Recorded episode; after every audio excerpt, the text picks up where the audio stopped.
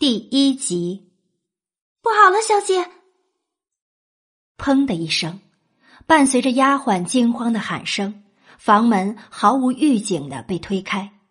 趴在窗台边上发呆的粉衣女子，似乎对这件事见怪不怪了，仅是挑了挑眉毛，回头看向气喘吁吁的丫鬟，兴趣缺缺的问道：“田儿，又怎么了？”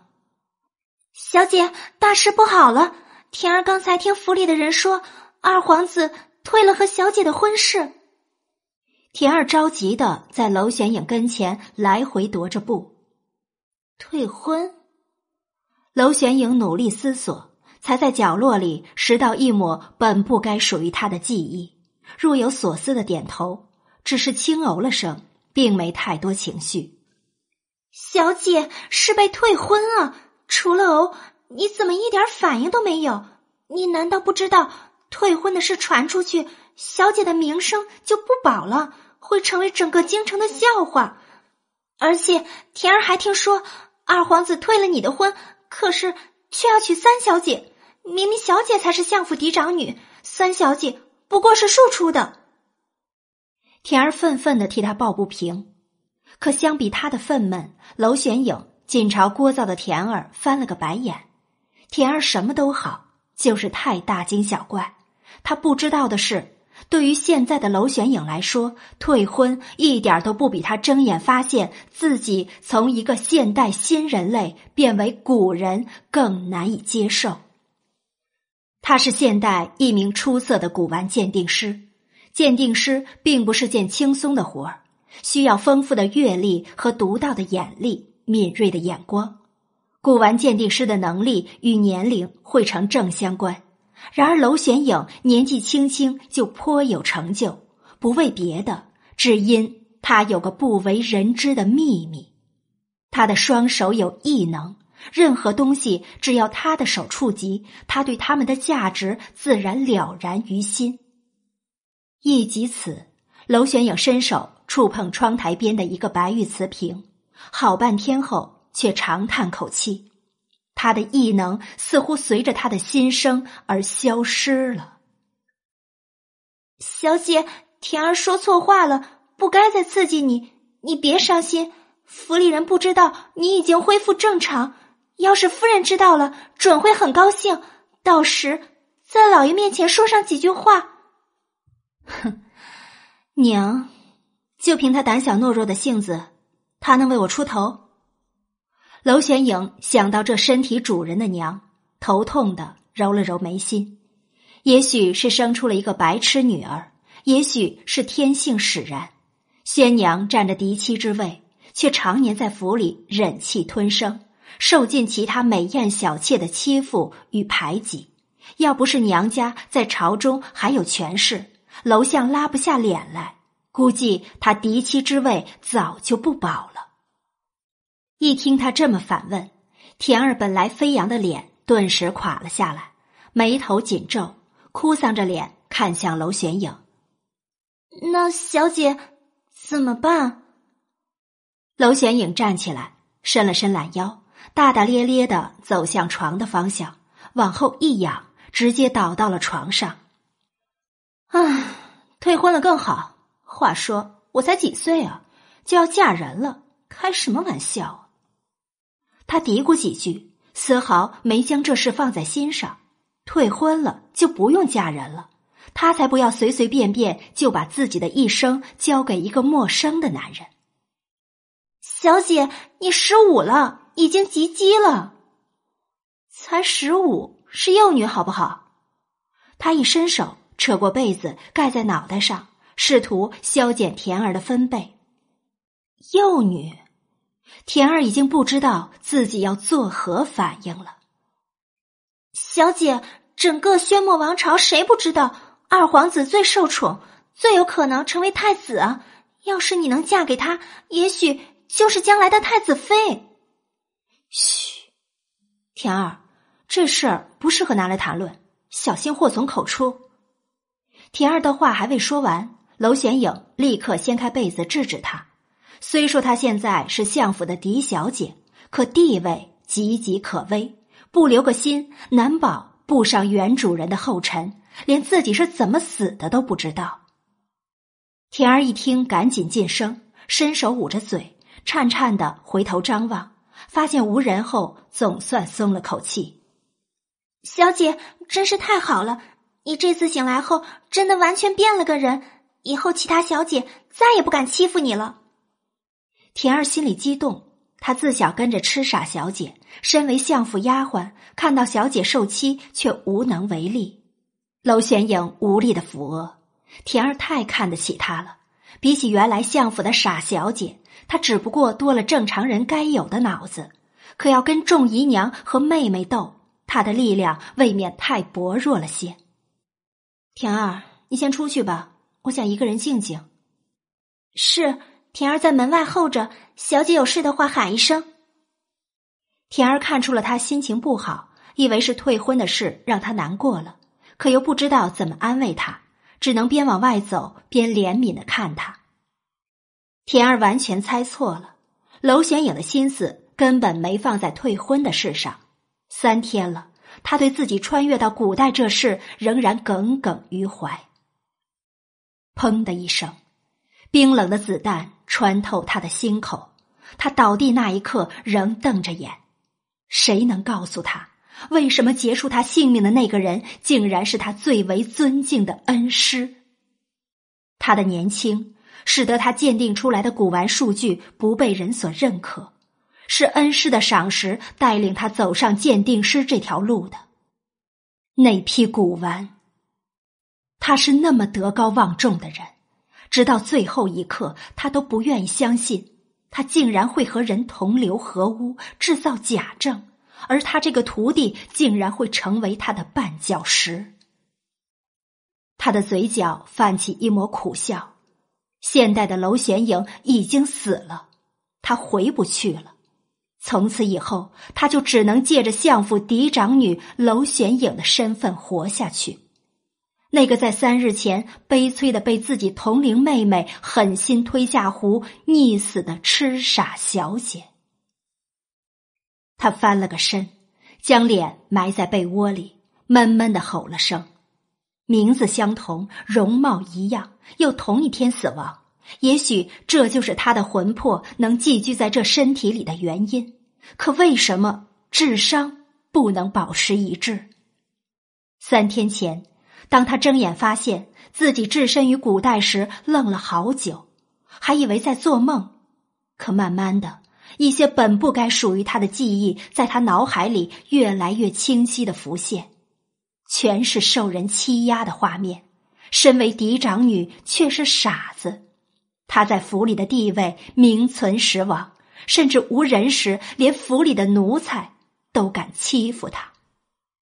既然让他重生一回。就不能让他命好一点儿？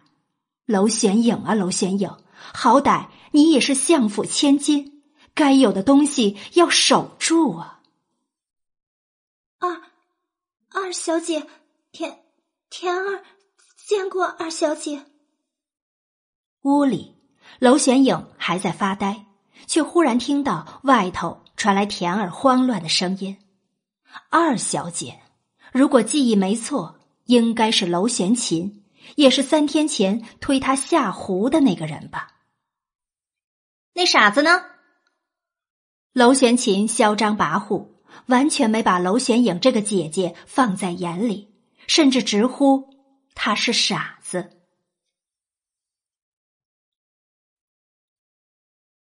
第二集，小小姐她。田儿的声音里带着明显的抖意，支吾半天没回答上话，紧接着便传来碰撞声和他的痛呼声。哼，蠢奴才，别在这里碍眼，滚远点，不许跟进来。这么着急又找上门来，是觉得还没欺负够他，要来补多一次？傻子！听到这个称呼，娄玄影嘴角噙着冷笑。看向门口的眼神带上了寒意，他从床上坐起，原本精明的眼在房门被推开的刹那变成了懵懂混沌。看到娄玄琴时，更是带上了惊恐，瑟缩的往床里边挪。白痴，你这是什么意思？娄玄影愣愣的看着他，却什么话都没说。爹爹一会儿就回来了，傻子，听明白？要是爹问起你落湖的事，你只准说自己不小心掉下去的。你要是敢把我供出去，我让你没有好日子过。原来他是怕被爹怪罪，听到没？娄玄琴看他始终不吱声，睁着痴傻的大眼盯着他，看得他毛骨悚然，直接上前一把抓住他的手腕，用力一扯，将他给拽下床来。娄玄影没料到他会这么野蛮，被他一扯，整个人往后一仰，摔下床的同时，也撞到了床边柜子上摆放的花瓶。砰的一声，花瓶碎了一地。幸而他反应快，首先着地撑在了地上。要是脑袋先磕到地上，不知道会不会真傻了。但他的手压在了碎片上，顿时血汩汩往外流。小姐，你没事吧？听到屋里的响声，田儿忤逆娄玄琴的命令，推门冲了进来。看到自家小姐摔在地上后，吓得赶紧跑上前将她扶起来。小姐，你的手流血了。娄玄影抬起手，看着掌心里鲜红的血，低着的脑袋下，眼神暗沉了几分。娄玄琴想玩是吧？那就姑且陪他玩一会儿好了。坏人，坏人，你是坏人！我要告诉爹爹，你打我。田儿听到他的话，又瞬间的惊讶：小姐不是恢复正常了吗？可她现在说的话和语气，怎么听都像以前痴傻时候的。难道被二小姐吓傻了？你说什么？娄玄琴气不过，一个傻子竟然敢骂他是坏人，他气得冲上前，准备再狠狠教训他一顿。谁知那傻子竟然大喊大叫，还突然伸脚踢向他膝盖，他腿一麻，整个人往那堆碎片上扑去。娄玄影又夸张的啊啊大叫，推开田儿的同时，也自己滚到一边，很不巧的。撞到了摆放花瓶的小柜子，一阵手忙脚乱，他乱扑腾，还将柜子推下来，正好压在了跌了个狗吃屎的娄玄琴身上，总算圆满了。看着比他还惨的娄玄琴，娄玄影坏心的在心里偷笑着，真当他好欺负。娄玄影的大叫和娄玄琴的惨叫在影月居里此起彼伏。声音太大，招来了相府里的人。丫鬟们推门进来，看到满屋的狼藉，立刻上前将小柜子移开，扶起了娄玄琴。他跌在碎片上，身上多处被碎片划伤，雪白的衣裙正渗着点点红星。血，好多血啊！娄玄影捧着双手，疯狂的大叫着。还惊恐的指着娄玄琴往后退，坏人，不要过来，不要打我！这就叫恶人先告状。反正他在人前是白痴，做出怎样奇怪的行为都没关系。柜子虽然很小很轻巧，但直接砸在娄玄琴的脑袋上，还是让他有些晕头。加上跌得惨重。他被扶起来时，还是有些分不清楚状况，只觉得很痛。然而，娄玄影的尖叫声在耳边持续不停，让他头更痛了。娄玄影，你说谁是坏人？啊！不要打我！怎么回事？房里闹哄哄的局面还没停止，又有一波人走了进来，为首的正是相府的柳姨娘。紧跟其后的是三小姐娄玄雅、大总管和府中奴仆。看来已经有人把这影月居的事通报上去了。娄相三日前入宫，至今未回。柳姨娘虽然名义上仅是妾，但地位上却相当于相府女主人。娄相有四个女儿，却仅有一个五岁的幼子，正是柳姨娘所生，也巩固了她在相府的地位。连带的，她的女儿相府的三小姐娄玄雅在府里的地位也非同一般，下人对她的尊敬远甚于她这个嫡长女。在柳姨娘跟前，娄玄琴也不敢造次，忍着疼痛，咬着下唇不说话。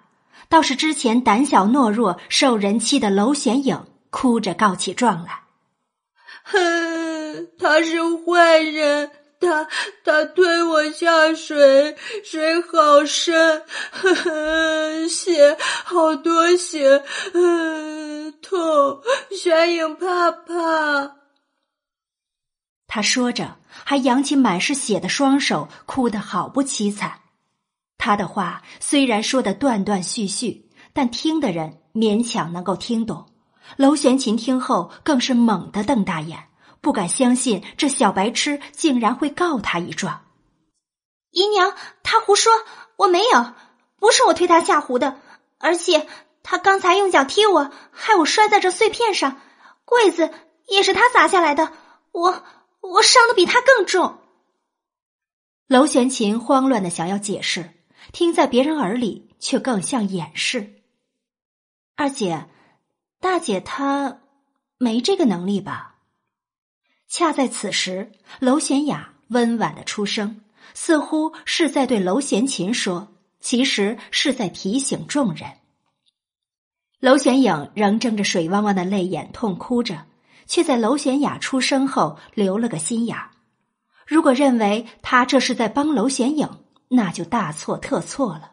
相府里，甚至整个京城，谁不知道娄玄影是痴傻儿？他的存在根本不会构成任何人的威胁，娄玄雅也完全没把他放在眼里。他争斗的目标向来都是娄玄琴。娄玄琴一时语塞，要是之前，他也一定会觉得身旁这个白痴没有这个能力。可就在刚才，虽然娄玄影表现的很痴傻，但他有种错觉。他似乎已经不是以前那个他，不然怎么解释一个白痴能够在极短的时间里踢倒他，在他跌倒前推开了丫鬟，自己也闪到一旁，还顺带撞倒了柜子。越想越觉得可怕，白痴竟然还学会了告状。你们到底闹哪样？都这么大的人了，还时不时把相府闹得鸡犬不宁。学学雅儿，知书达理，有空不如去绣绣花，弹弹琴。柳姨娘看到他们俩受了不轻的伤，却没有丝毫疼惜，连带的把他们训了一通，与此同时还夸了自家女儿。陆总管，给他们找个大夫包扎伤口。是。陆总管恭敬的弯腰，而后本分的退了下去。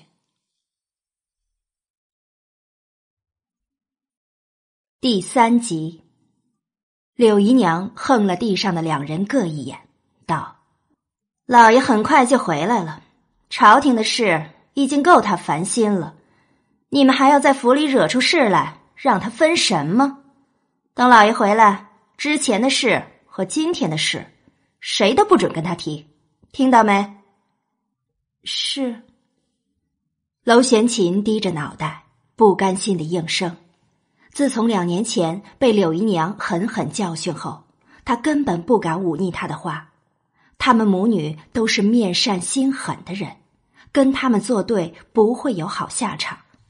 也幸好，他这样的要求可以让他躲过推那白痴入湖的责难。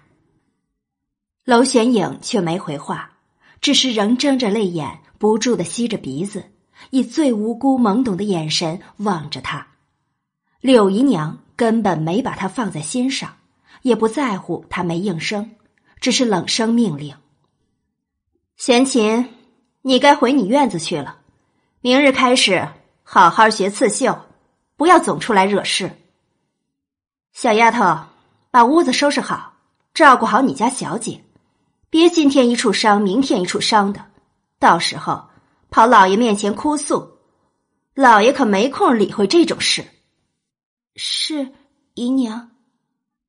田儿乖巧的应完话，很快所有人陆陆续续退了出去，热闹的影月居顿时只剩下他们主仆二人。小姐，你没事吧？田儿赶紧爬了过去，查看娄玄影的伤势，看着满手血的小姐，他心疼的也跟着掉眼泪。小姐一定很痛吧？田儿总是照顾不好你。田儿，别哭，有什么好哭的？我只是被碎片扎伤了手而已，没大碍的。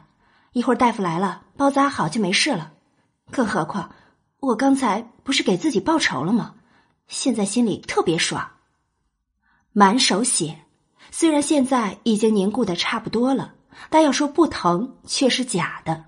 以衣袖擦泪，又以手背拍了拍田儿，他潇洒的从地上站起来。哪还有刚才惊恐之态？小姐，你，你又恢复正常了。田儿眨了眨眼，看着突然转变的娄玄影，一时反应不太过来。哼，我一直都很正常，好吧？既然娄玄琴喊我傻子，不做点傻子会做的事，怎么对得起那个称号？田儿，我的情况你先别说出去，看我眼色行事，知道吗？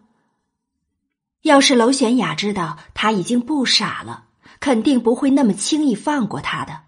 在这相府里，他可没把握能斗得过他们母女。哦，田儿虽然不解，但仍然听话的点头。田儿，把这里打扫了。他要缓缓神，等大夫来了，还要装傻装可怜。大夫来去匆匆。替娄玄影简单包扎后，就提着药箱走了。期间看着他迷蒙困惑的眼神，连句话都没有。等大夫一走，娄玄影松了口气，揉了揉僵硬的脸，伸着懒腰站起来。田儿，我去书房，你把屋子收拾好后就去休息吧，不用到书房陪我。好的，小姐。推开书房的门。他压抑的心情也跟着好转。他最喜欢没事的时候来书房转悠，这里摆放了古画和古玩，都是他的最爱。缠着布条的手一幅幅摸过去，娄玄影从这些画的材质、色泽和画工上判断出它的历史。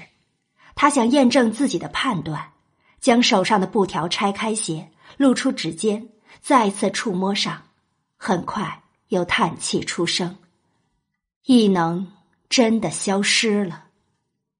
最后，他停在一幅白釉青花瓷的画前，目不转睛的盯着他看。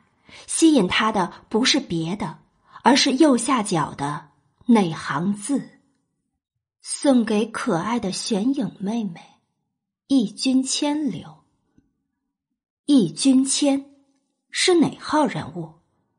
娄玄影努力搜寻记忆，可完全想不起他究竟是谁。难道痴傻儿还留了情？看着画，他赞赏的点头。这个叫易君谦的人画画水平真不错，画工很精细，也很逼真，几乎可以以假乱真。突然，一道刺眼的白光从画中闪现，他几乎睁不开眼。反应过来时，发现那幅画竟然不见了，而一只白里透蓝的庞然大物正朝他砸过来。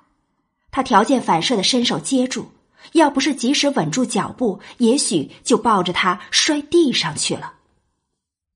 当他定睛一看，立刻被吓呆了。刚才画里的那个白釉青花瓷竟然变成了真的，正被他抱在了怀里。怎么回事？为什么会这样？他不是画儿吗？又一道白光闪现，很快，他怀里的白釉青花瓷又消失不见，一幅画安静的展在他手中。娄玄影真的傻了，这究竟是闹哪样？他从一幅画变为实物，又从实物变为一幅画。半天后，他将那幅画小心的挑开，放到书桌上。站在一边，若有所思的看着。在现代时，他的双手有异能；如今又穿越重生到古代，要不是经历了太多离奇的事，他刚才一定会被吓到，会以为自己撞鬼了。他看了看自己的双手，又看向那幅画，心中在揣度：究竟是那幅画有问题，还是他双手有问题？然而，他的心里有强烈的预感，这一切都是因为他的双手。他回头。看向墙上挂着的其他画，决定拿它们再尝试一次。挑选哪个呢？万马狂奔图，不行，一会儿那些马真的出现了，还不得把他给压死？风景画也不行，书房里跑出瀑布来也够吓人。挑来挑去，他挑中了一幅盛怒的牡丹图。走上前，他抬手。颤颤的摸上它，心中默想：如果是他手的问题，就让画成为现实吧。很快，耀眼的白光闪过，一簇盛怒的牡丹枝落在他手上。呃，没有根的牡丹。虽然这牡丹跟画中的一模一样，但是放到现实中来就缺少了美感。娄玄影摇了摇头，再次。把它塞回画中。如果忽略他脑袋此刻晕眩感的话，那就太完美了。他双手鉴定的能力消失后，如今给他换了新的异能，而且这个异能似乎还很不错。如果是普通的东西，能够让他成为一幅画吗？为了认证这个未知的猜想，娄玄影兴奋地跑到书桌边上，双手摸上砚台。随着一道光，砚台融入画中。他还没来得及高兴，强烈的晕眩感袭来，他整个人跌在椅子上，最终晕倒在书桌上。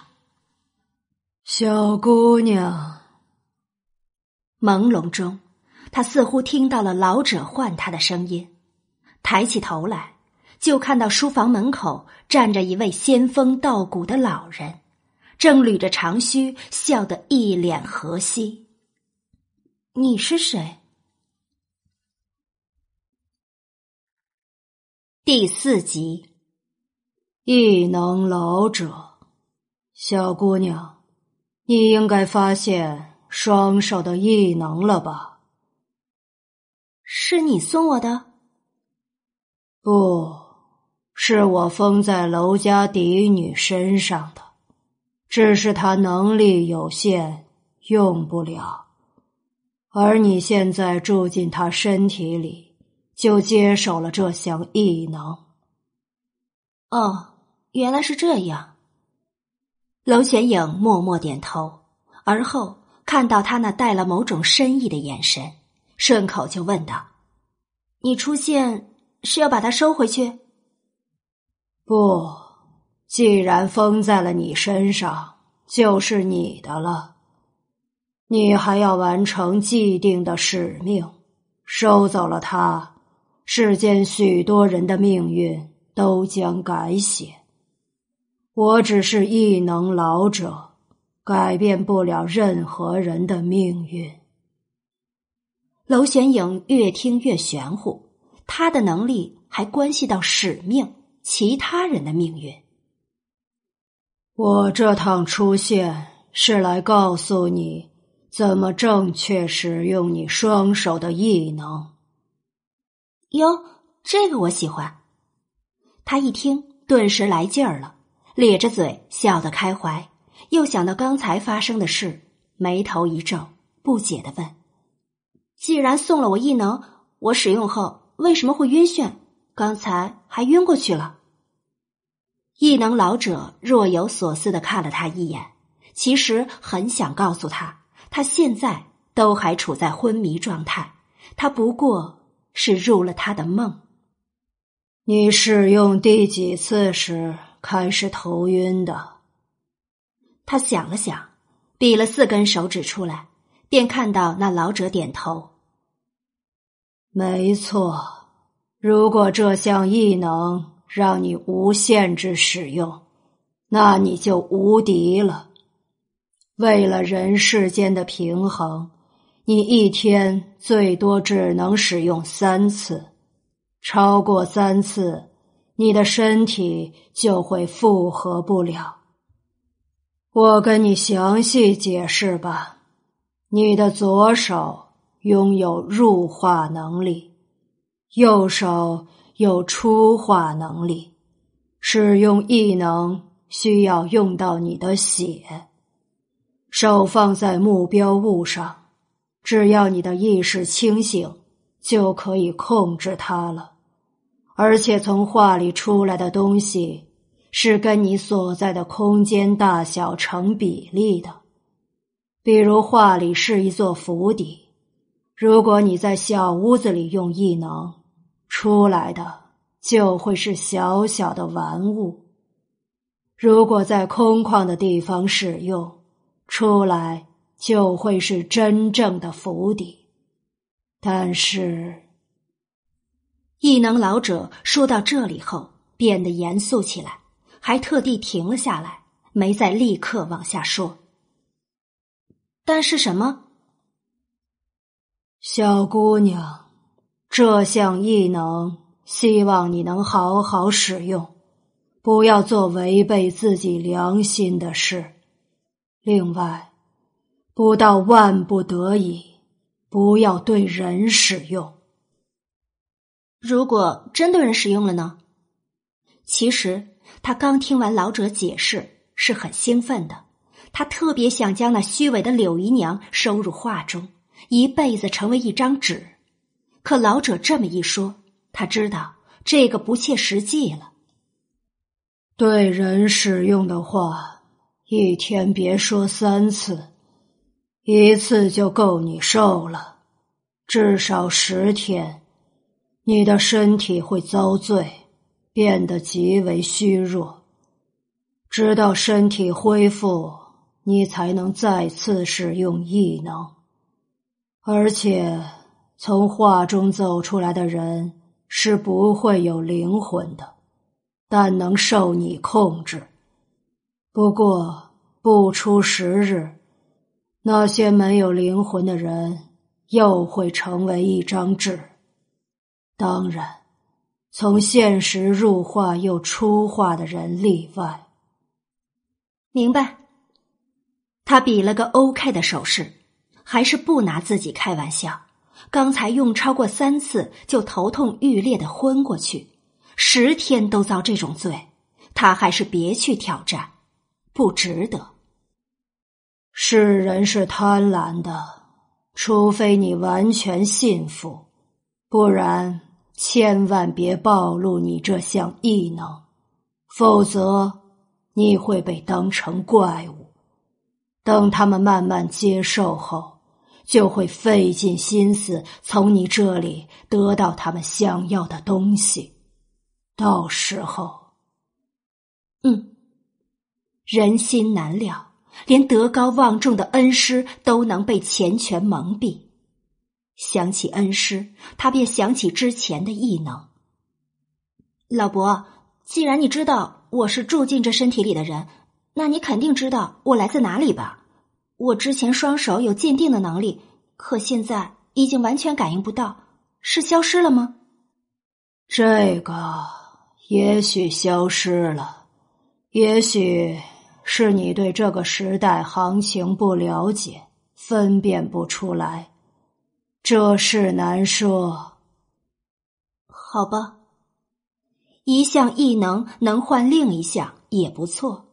他在这古代也做不了鉴定师的工作，所以现在这个异能似乎更现实些。对了，老伯，你刚才说我身上有既定的使命，是什么使命啊？天机不可泄露，小姑娘，等那一天来了，你就会知道了。老头，我去也。随着他尾音慢慢散去，老者也消失不见踪影。等，他话还未说完呢，老者就那么急着消失。小姐。小姐，耳边似乎传来甜儿的轻唤声，他一个机灵，爬坐起来，看到身边的甜儿，又看到自己坐在椅子上，一时有些反应不过来。小姐，田儿刚才敲门敲了好久，你都没反应，你怎么在书房里睡着了？他刚才不是醒过来了吗？可听田儿的意思，他应该是才被叫醒的。难道他刚才在做梦？那异能老者是他梦里的人，其实他根本没有那项异能。哇，小姐，你刚才在画画吗？原来你会画画啊！这个砚台画的真漂亮，跟真的一样。田儿弯腰拾起地上那幅画，赞叹连连。丝毫不吝啬对娄玄影的夸赞。当看到田儿手中捧着的那幅画时，娄玄影心里的疑惑没了。他有异能的事是真的，但老者出现的事究竟是真的，还是他在做梦？今天已经试过五次了，看来明天才能找个机会再试验一下。小姐，你从来没有学过画画呢。竟然一上手就会画了，那你会不会弹琴、作诗、下棋呢？听着田儿那激动的话，娄玄影嘴角一抽，他还真当他琴棋书画能无师自通啊！真抱歉，他在现代没学过，拥有古代记忆的他也没搜寻到。这画中的砚台可是货真价实的，明天还得让他还原，否则他书房里。可少了样必备工具。他从田儿手里拿回画，将它卷起后放到书桌上，趁着田儿还没发现砚台不见之前，得让他离开书房。田儿，我突然想吃糕点，你能到厨房帮我端一盘吗？嗯，好，田儿马上去。田儿不疑有他，立刻转身要往外走，走了两步，却突然停住了。哎，小姐，田儿怎么觉得你那幅画的砚台很熟悉啊？那是你家小姐画工了得，照着书房的砚台画出来的，当然眼熟了。不等田儿回头，娄玄影就推着他往书房外走，同时自己也跟着出去，还带上了书房的门，与田儿并肩走一起。小姐，你恢复正常了，真好。田儿带着泪目，激动的看着他，他好感动。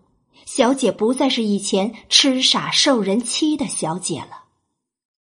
娄玄影笑了笑，刚要伸手拍他肩膀安慰他，眼角的余光注意到有人朝他这个方向走来，他立刻收敛起脸上的笑，眼里带上了迷惑，并对田儿低语：“有人来了，田儿，注意配合哟。”第五集，啊！田儿一时反应不过来，然而当听到有人唤大小姐时，她总算明白了。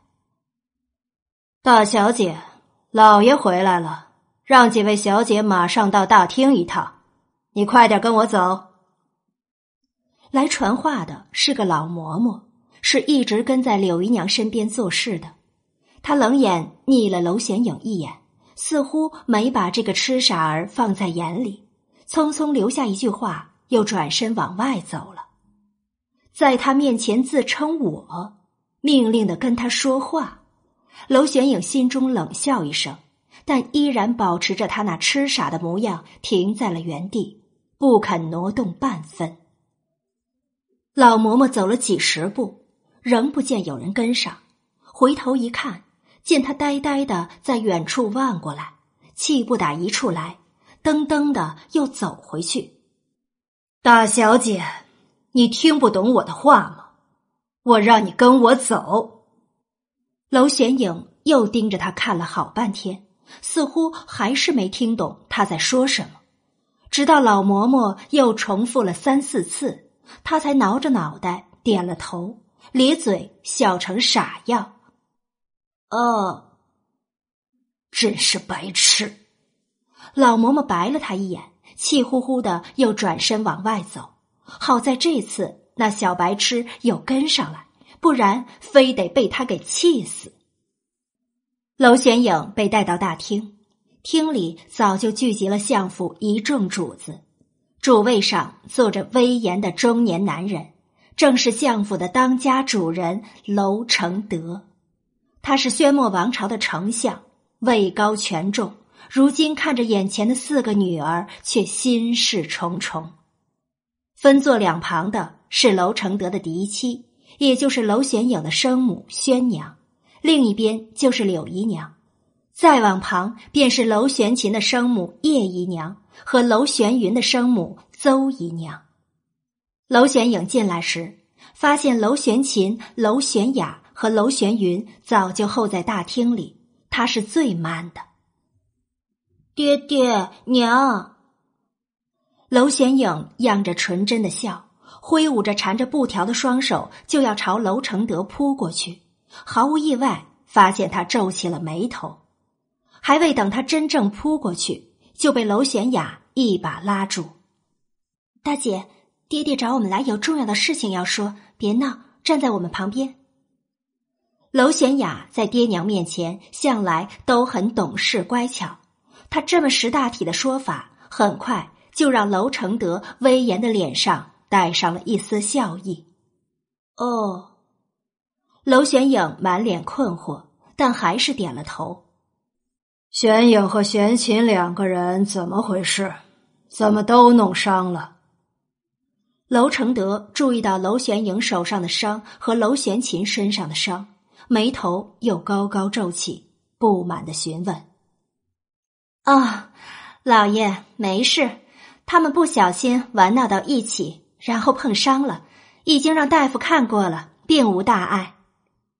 柳姨娘适时出声解释，三两句话就把相府这几天发生的轰轰烈烈的事给带过了。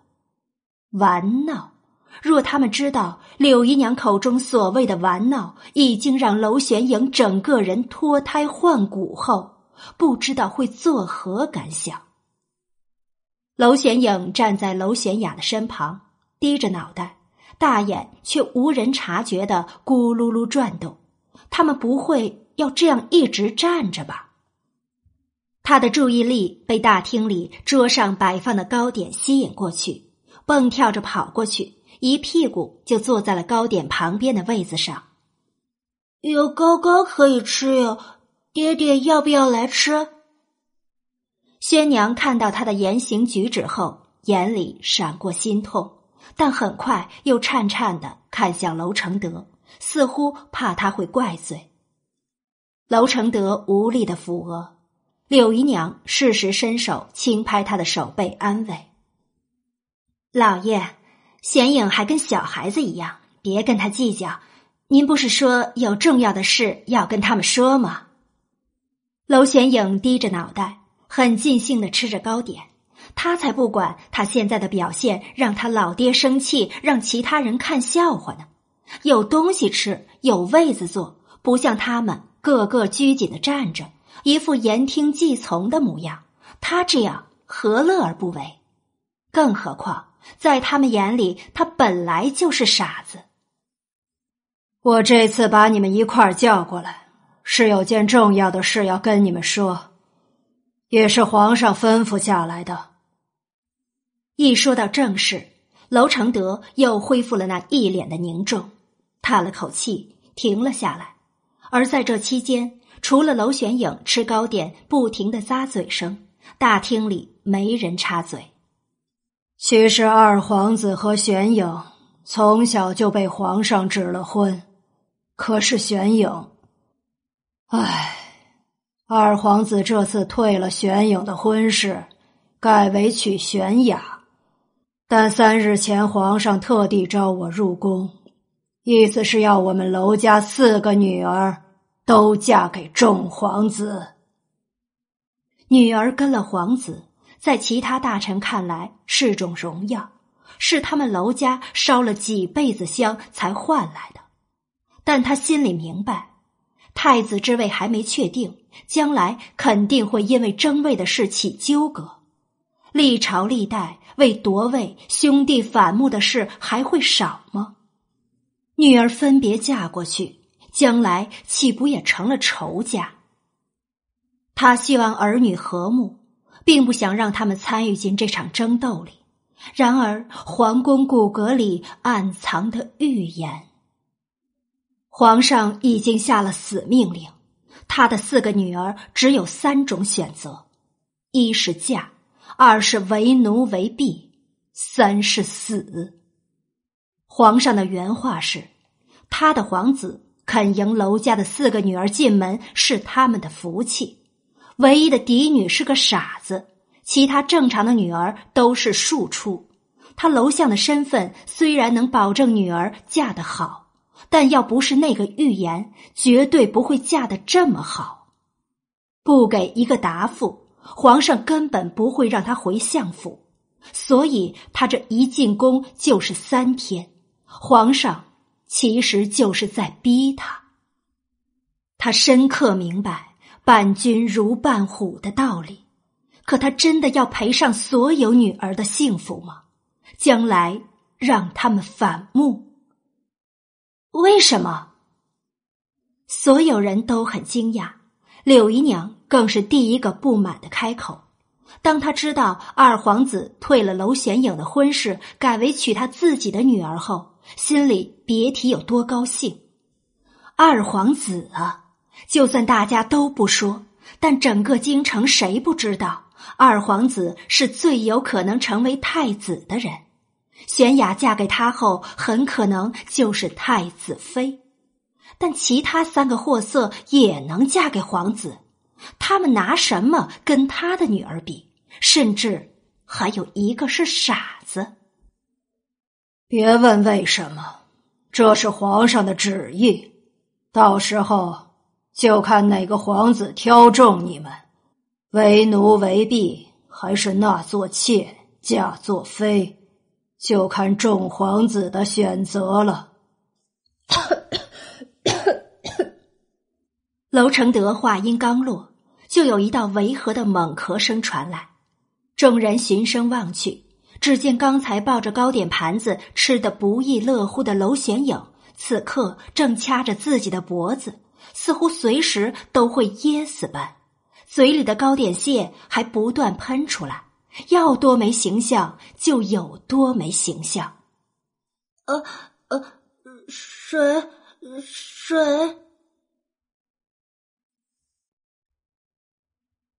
第六集，宣娘羞愧的无地自容，低着脑袋，根本不敢看过去，也没理睬女儿这样是否会噎死。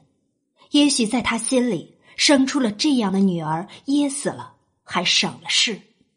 倒是娄玄雅迈着细碎的步子，优雅的走过去，慢悠悠的倒了杯茶，朝他递过去，表现出温婉大气的一面。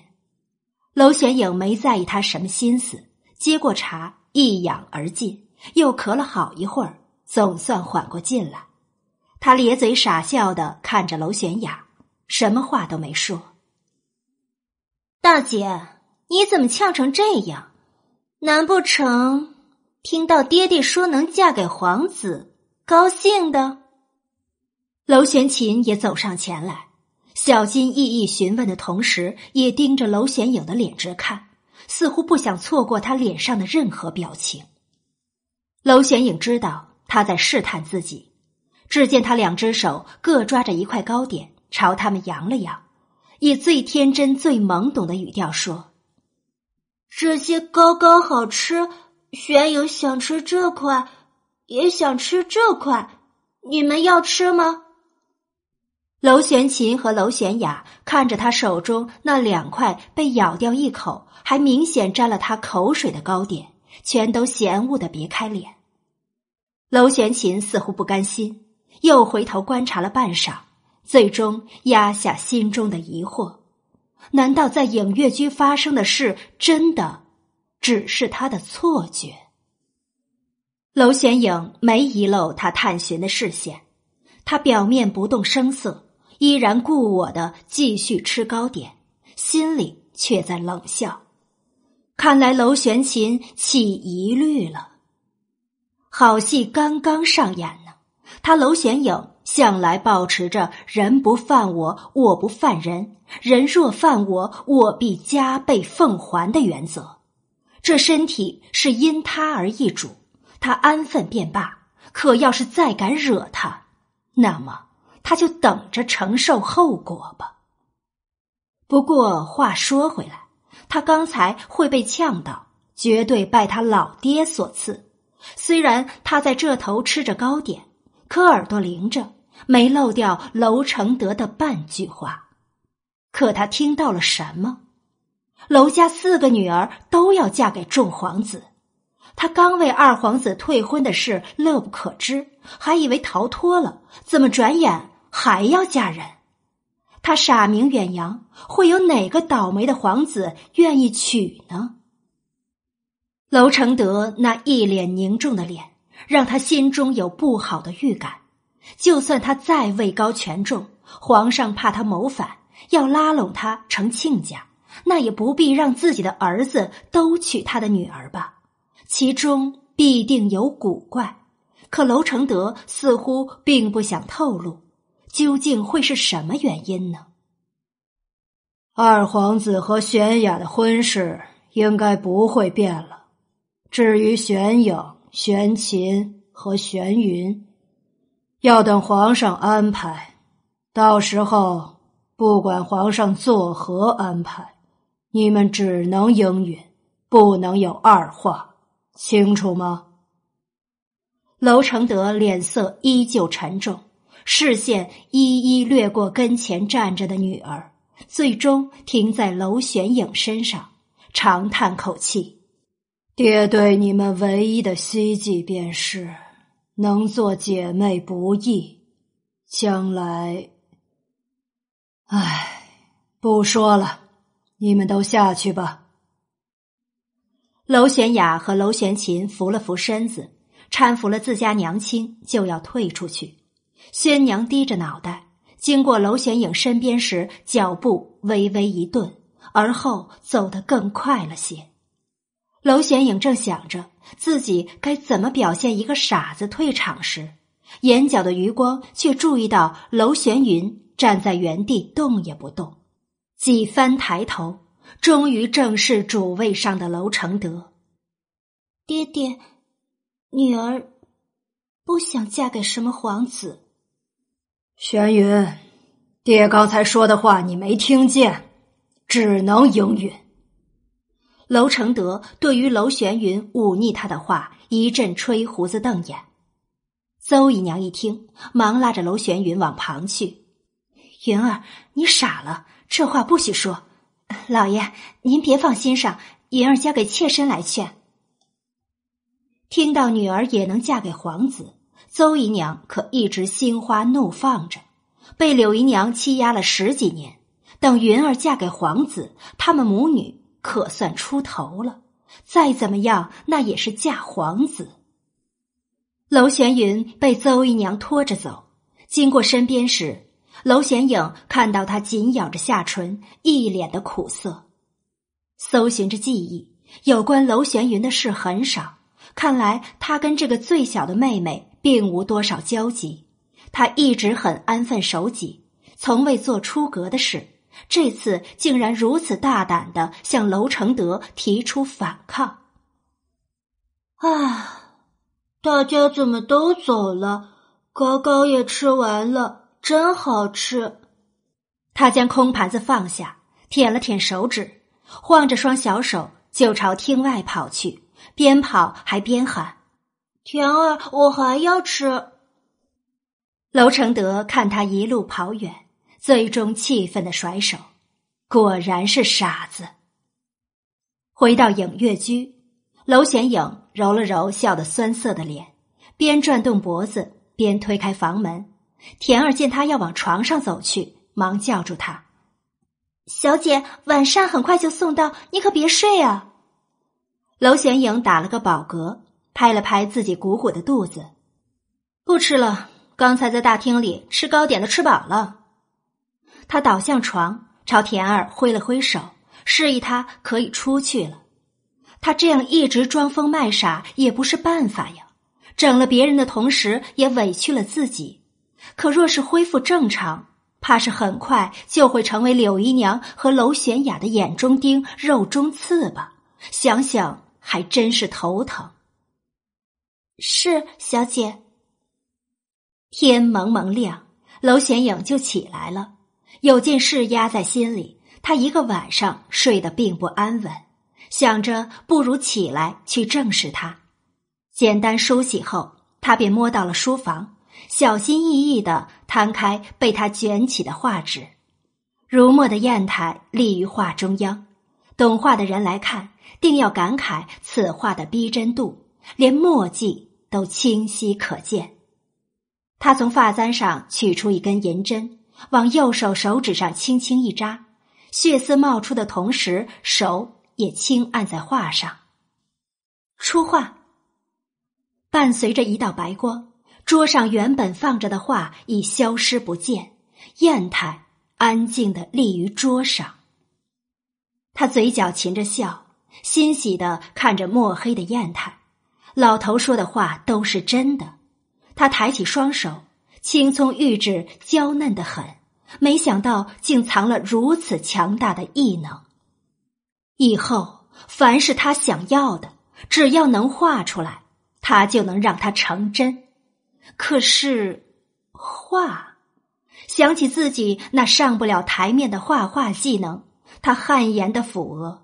现代时，但凡古玩字画摆到他面前，他一定可以向富商分析的头头是道。可让他自己画上两笔，他会很识趣的败退下来。早知道有一天他会拥有这种异能，他一定好好学画。亡羊补牢，为时不晚。他在这小小的书房堆里搜寻了遍，可惜没找到任何一本关于作画的书籍，全都是女诫、女儿经之类的。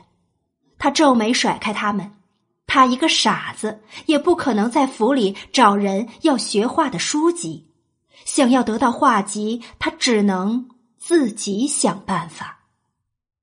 娄玄影的大眼咕噜噜的转着，透过小窗望着那足足有五六米高的围墙，嘿嘿一笑。等哪天找着机会，他一定要翻墙出去。他在书房里鬼画符了一个早上。地上已经扔了一堆废纸。小姐，老爷让你到大厅。田儿急匆匆的跑来，敲了门，得到娄玄影的同意后，推门进来，却被他脚边堆积如山的纸给吓到了。小姐，你这是做什么呀？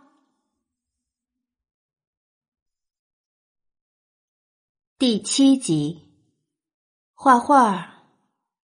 娄玄影头也未抬的回答，手中画画的动作也没停。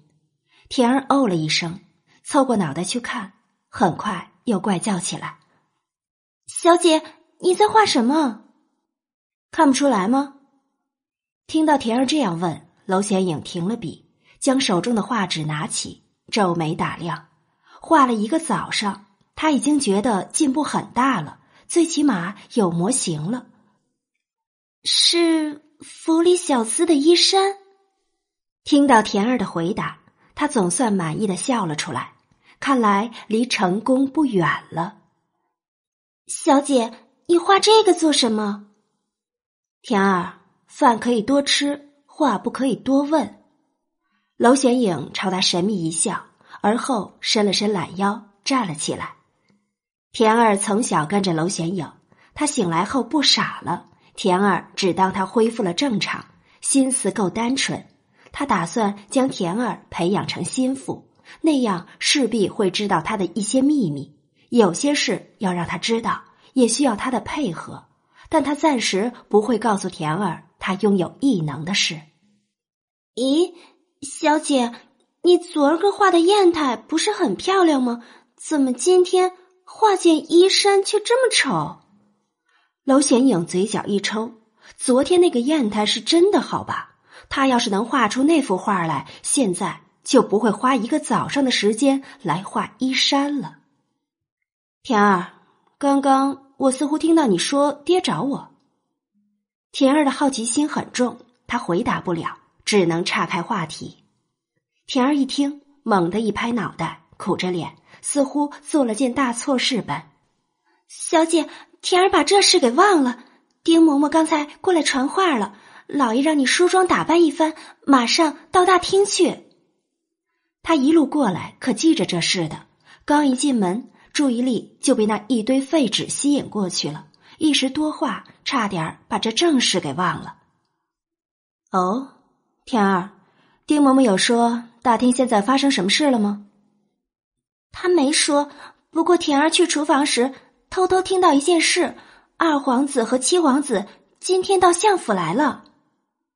娄玄影赞赏的看着田儿。朝他比了个大拇指，不错，好甜儿。以后在府里耳朵放灵一点不用特意去打听。但如果听到什么事，就跟我说一声。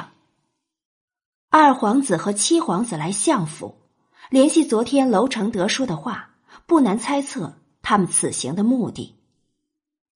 好的，小姐。田儿点头应下，可看到自家小姐竟然悠哉的坐回椅子上。还摊开新的画纸，见她要提笔，他惊讶的再次提醒：“小姐，老爷叫你呢。”哼，在别人看来，你家小姐我不是傻子吗？既然是傻子，何必那么准时？能拖便拖呗。两炷香的时间过去了，娄玄影总算愿意起身了。田儿在一旁等的可是十分着急，万一老爷怪罪下来。怪他没把话传到，他可就吃不完兜着走了。田儿，你放心，我爹要是问了，你就说传了话，然后把眼神看向我，什么话都不必再说，我爹自然会明白。可是这样子，万一老爷怪罪小姐，不用替我担心，他只会对我吹胡子瞪眼，还能真跟傻子过意不去不成？他笑着安慰田儿。脚刚抬步要离开，很快又顿住，拿了毛笔往脸上轻轻一画，在田儿圆称的目光中勇敢的走出去。小姐这是要做什么？等田儿反应过来，发现书房里早不见了自家小姐的身影，忙追了上去。眼见他直接要往影月居外走，田儿瞪直了眼，忙喊住他：“小姐，先换衣服。”丁嬷嬷说：“要梳妆打扮才能过去。”你听丁嬷嬷的还是听我的？田儿当然听小姐的。娄玄影笑眯眯的摸着他脑袋：“乖，我脸都画成这样了，再去梳妆打扮有意思吗？不是让众皇子挑选他们娄家四姐妹吗？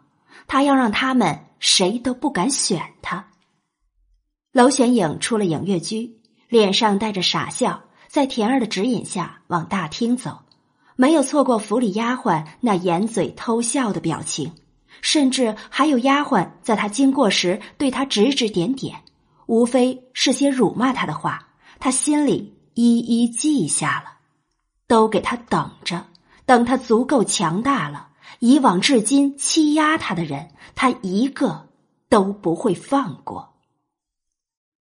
大小姐。你终于来了，相府柴大总管看到他出现，叹了口气的同时，也迎了上来。可看到他的脸时，向来严肃的老脸微抽了抽。呃，大小姐，你的脸。柴总管转而看向他身后的田儿，训道：“你怎么照顾大小姐的？没看到她的脸脏了吗？”田儿委屈的低着脑袋。被柴总管这么一训，他一时之间也不知怎么回答。谁料刚才还只顾着傻笑的娄玄影，突然晃起了小手，声音也拔高了几分：“玄影刚才在画画哦，画了好漂亮的狗。柴伯伯，你看，你看。”说着，他还从衣袖里掏啊掏，半天后拿出了一张纸，摊开，献宝似的给柴总管看。柴总管那么一瞥，嘴角微抽。那明明是一只丑到几乎辨认不出来的猫。他轻咳了声，立眼瞪向田儿：“还不给大小姐擦擦脸先？”啊，是。田儿竟然不知道小姐衣袖里藏了这么一幅丑画。然而，还没等田儿掏出手绢走过去，娄玄影竟然拿着他那幅画往大厅里跑进去，边跑还边喊：“我要让爹爹也看看玄影的画。爹爹，玄影画了很漂亮的画。”娄玄影冲进大厅，无视厅里多了两个陌生的男子，勇者无惧的把他最后画的那幅画在娄承德的面前晃。娄承德一看，刚喝到嘴里的茶全喷了出来。娄玄影似乎有感知般拿画一挡，然后就委屈加错愕的看着被喷湿的画。嗯，我的画那么丑。根本不叫画吧？小孩子随手画一张都比他好看。一道轻蔑中带着嘲讽的男声响起，听声音应该是个少年。盛瑞不得无礼。又有一道声音响起，似是训斥，但语气里却未带任何指责，只是很形式化的说了句：“二皇兄，我只是实话实说。”娄玄影转头看去，眼里还悬挂着泪水，捧着画儿满脸委屈。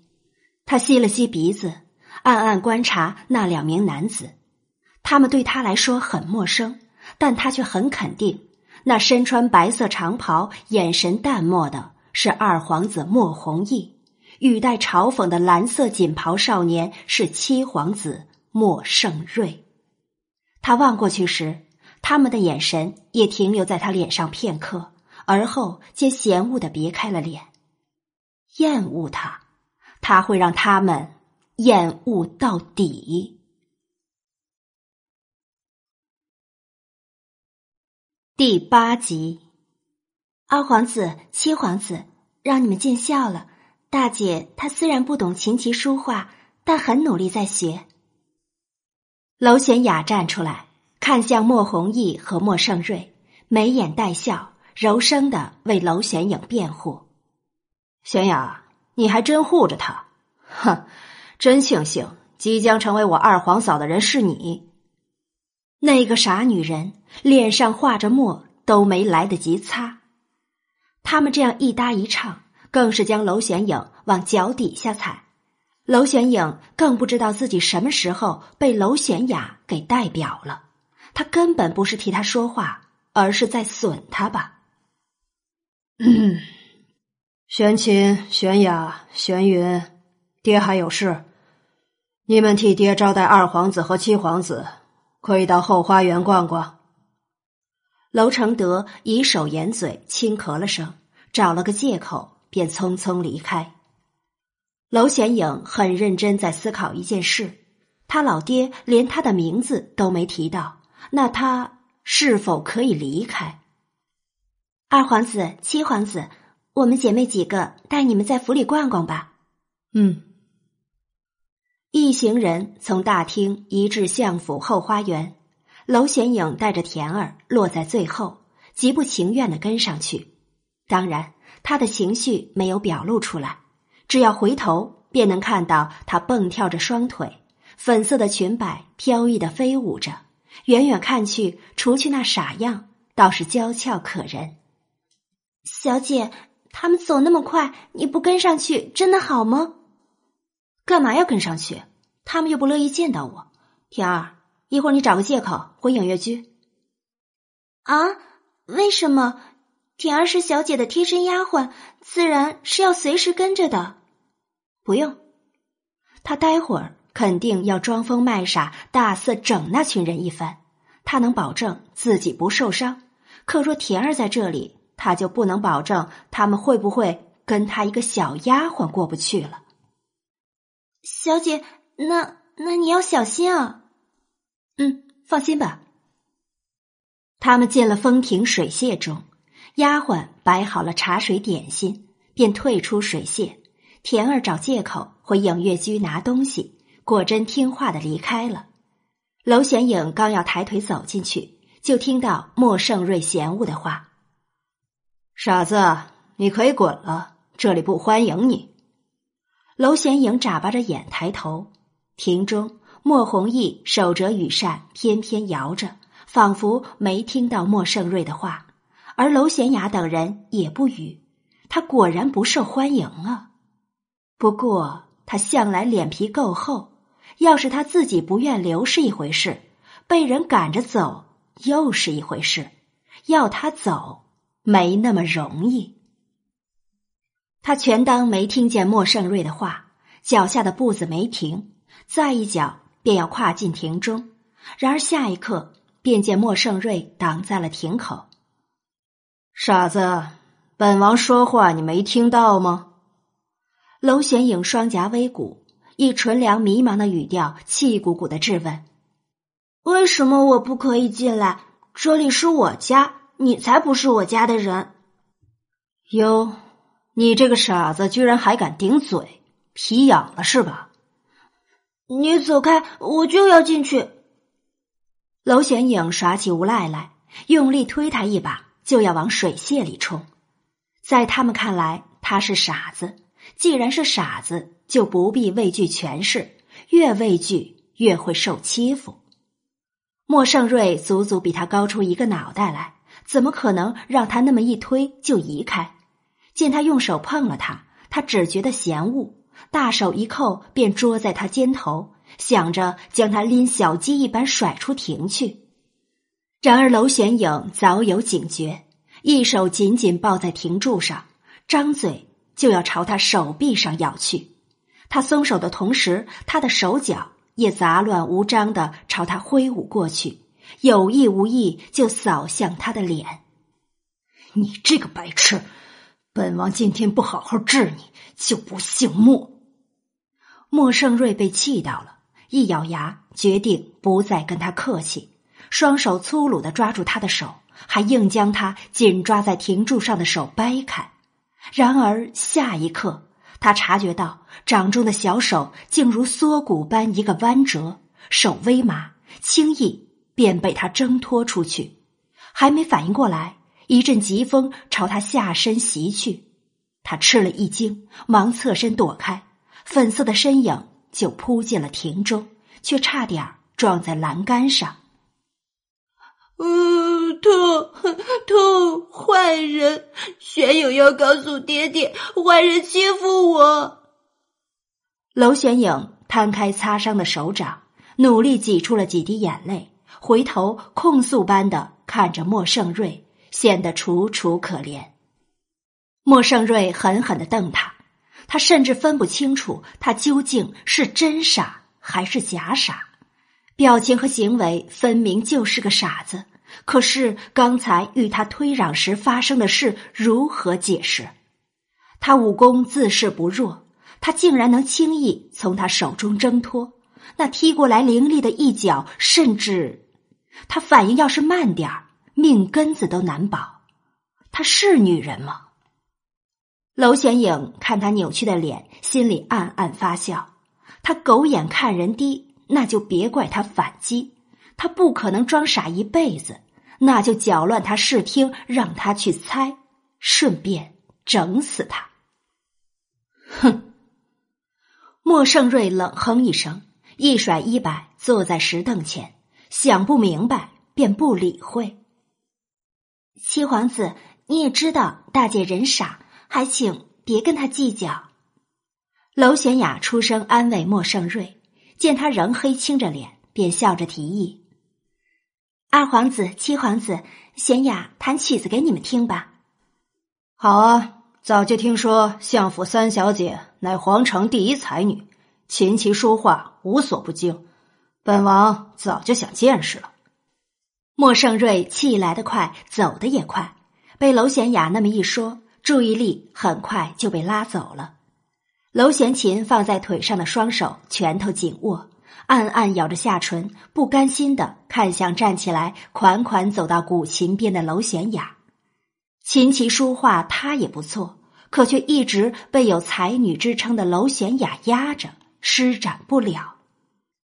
悠扬的琴声如潺潺的流水般在楼玄雅指尖流淌，连脑子不停转动、想着整人点子的楼玄影，都听得如醉如痴。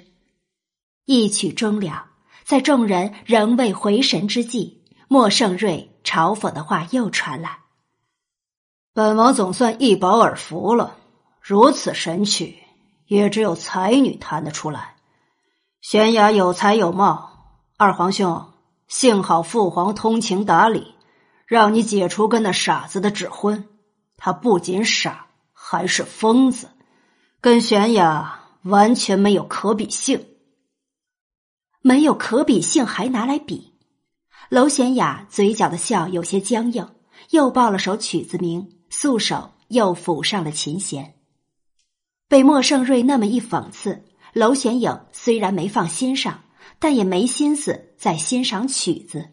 他带着傻笑，趴在栏杆上，看着湖里游荡的鱼儿，突然惊奇的大叫起来：“鱼有鱼耶！玄影要喂鱼儿吃东西。”说着，他带着欣喜蹦起来，先是在水榭里四下张望，而后突然找着目标般咧嘴朝莫盛瑞跑过去，拿起他面前摆放的茶杯：“我要用它装虫子。”说完，不等众人反应，他掀了杯盖，猛地一个倒扣，把还滚烫的茶水尽数倒下。第九集，该死！你这个疯子！茶水落下的同时，莫胜瑞的惊呼声也响起。他整个人从石凳上跳起，鬼叫一阵，蓝袍被茶水浸湿了一片，腿上还火辣辣的疼。琴声戛然而止，所有人都惊呆了。天啊，七皇子，你没事吧？离他最近的娄玄琴忙起身。莫盛瑞被烫到的位置那么尴尬，她一个女孩子也不好帮忙，只能掏出手绢递过去。疯子，本王要杀了你！然而那个肇事者才没理会他的咒骂，拿着空的茶杯早跑出水榭了，将莫胜瑞的吼叫抛到脑后，蹲在花丛下，不知道搜着起什么来。莫胜瑞真有追上去暴揍他一顿的冲动。但让莫弘毅出声制止了，他探寻的眼神随着那个粉红的身影移动好一会儿，最终收回，脸上的表情变得古怪起来，端起茶慢慢喝着。因这场闹剧，水榭里的气氛有点僵。莫盛瑞黑青着脸，娄贤雅等人绞着手绢，话都不敢再说一句。很快，那个粉色身影。再次朝水榭跑来，莫盛瑞一直瞪着他。若眼神可以杀人，他早在他眼神中死上好几回了。在娄玄影踏上最后一级台阶时，突然被裙摆绊倒，整个人往地上栽去，捧在手里的茶杯跟着甩出，直直朝莫胜瑞飞去。莫胜瑞是习武之人，异物靠近，他连眼都没眨。一伸手就将他接住，然而当密密麻麻的黑点儿往他手上、衣袖里钻爬时，他只觉得整个脑袋嗡的一声，扔掉茶杯的同时，也拼命甩起手来。疯子，本王一定要杀了你！呵呵，痛痛！娄显影趴在地上大哭起来，根本没理睬莫盛瑞的怒火。一抬眼，看到自己捉的蚂蚁被甩地上去，更是手抬向空中，不住哭泣：“我的程程，真是疯子！二皇兄，我在这里待不下去了，再待下去，我不是动手将他杀了，就是被他逼疯。”莫胜瑞一甩衣袖，转身就要往外走。经过娄显影身边时，看到他伸出来的手，毫不怜惜的抬脚。要踩下去，娄玄影吸了吸鼻子，收回手，一抹眼泪，很自然的躲过了被踩踏的命运。看着气急败坏要离开的莫胜瑞，娄玄影心中冷笑的同时，也对他感到失望。这样就败退下来了，他的招数还没使完呢。然而，娄玄雅却在下一刻出声喊住他。七皇子，别生气，大姐她根本不知道自己在做什么，我替她向你道歉，可以吗？别理他，他要走就让他走，我们去划船。说完这话，莫弘毅手摇折扇，率先出了水榭。话虽是这么说，可他经过莫盛瑞身旁时，却停了下来，压低声音道：“盛瑞，机会在你手中白白丢失。”到时可怨不得任何人，也别怪二哥不给你创造机会。一个白痴，值得你大动肝火。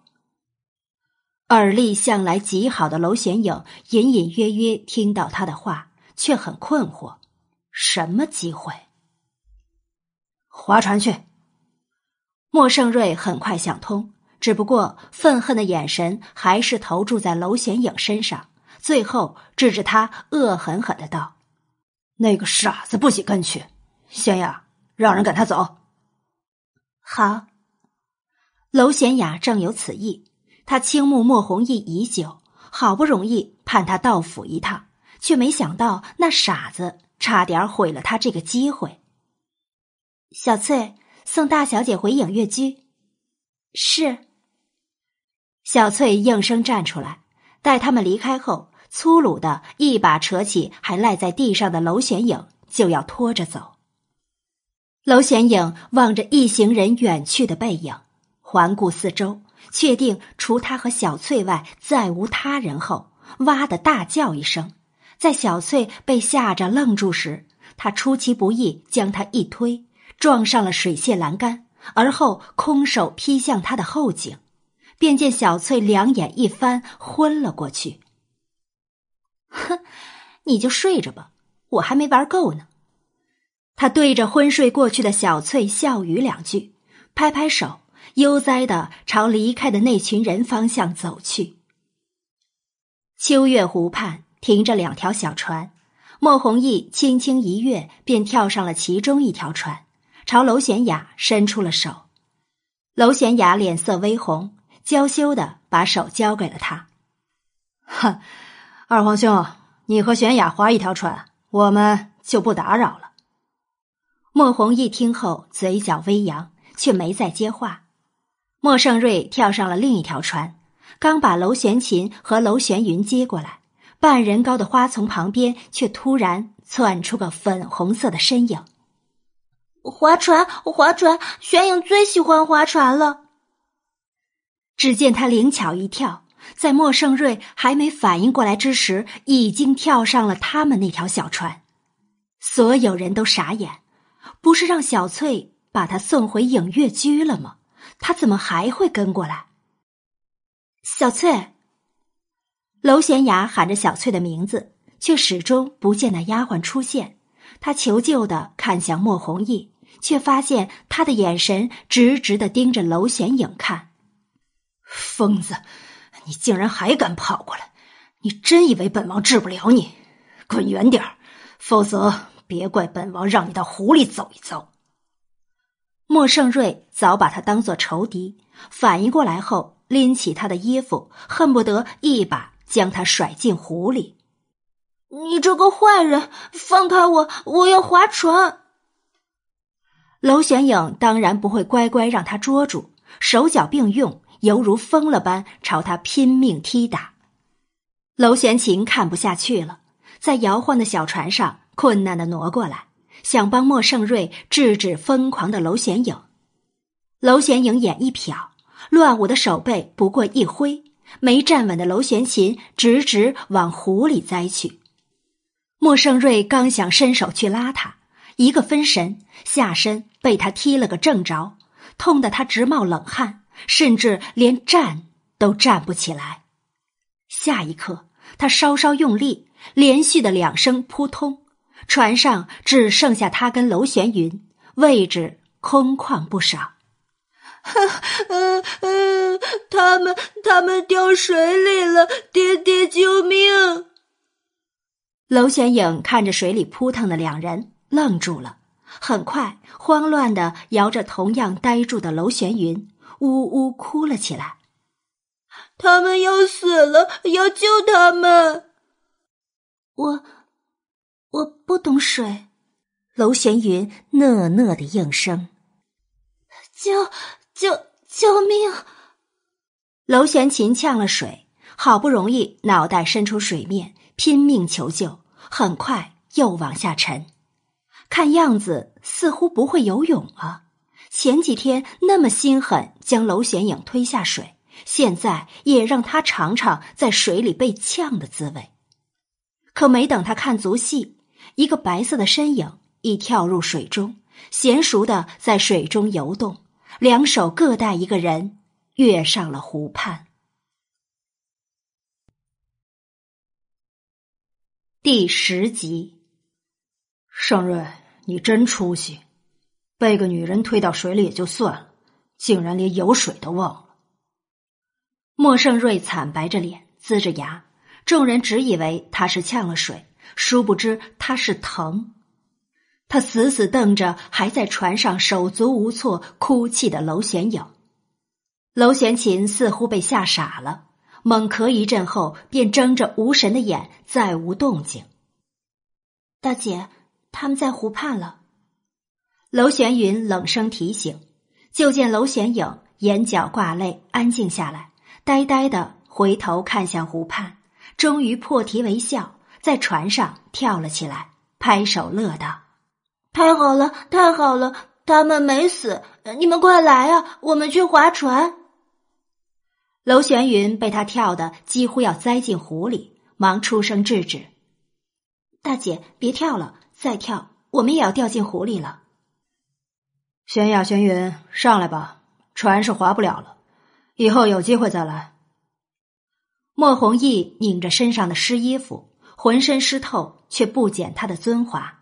诞生对还处在船上的人道：“自然是忽略那个始作俑者的。”待其他人都回到湖畔后，娄显影也跳了上来，正想装懵懂无知去问候那两个落水的人，却发现一群人远远朝这儿走来。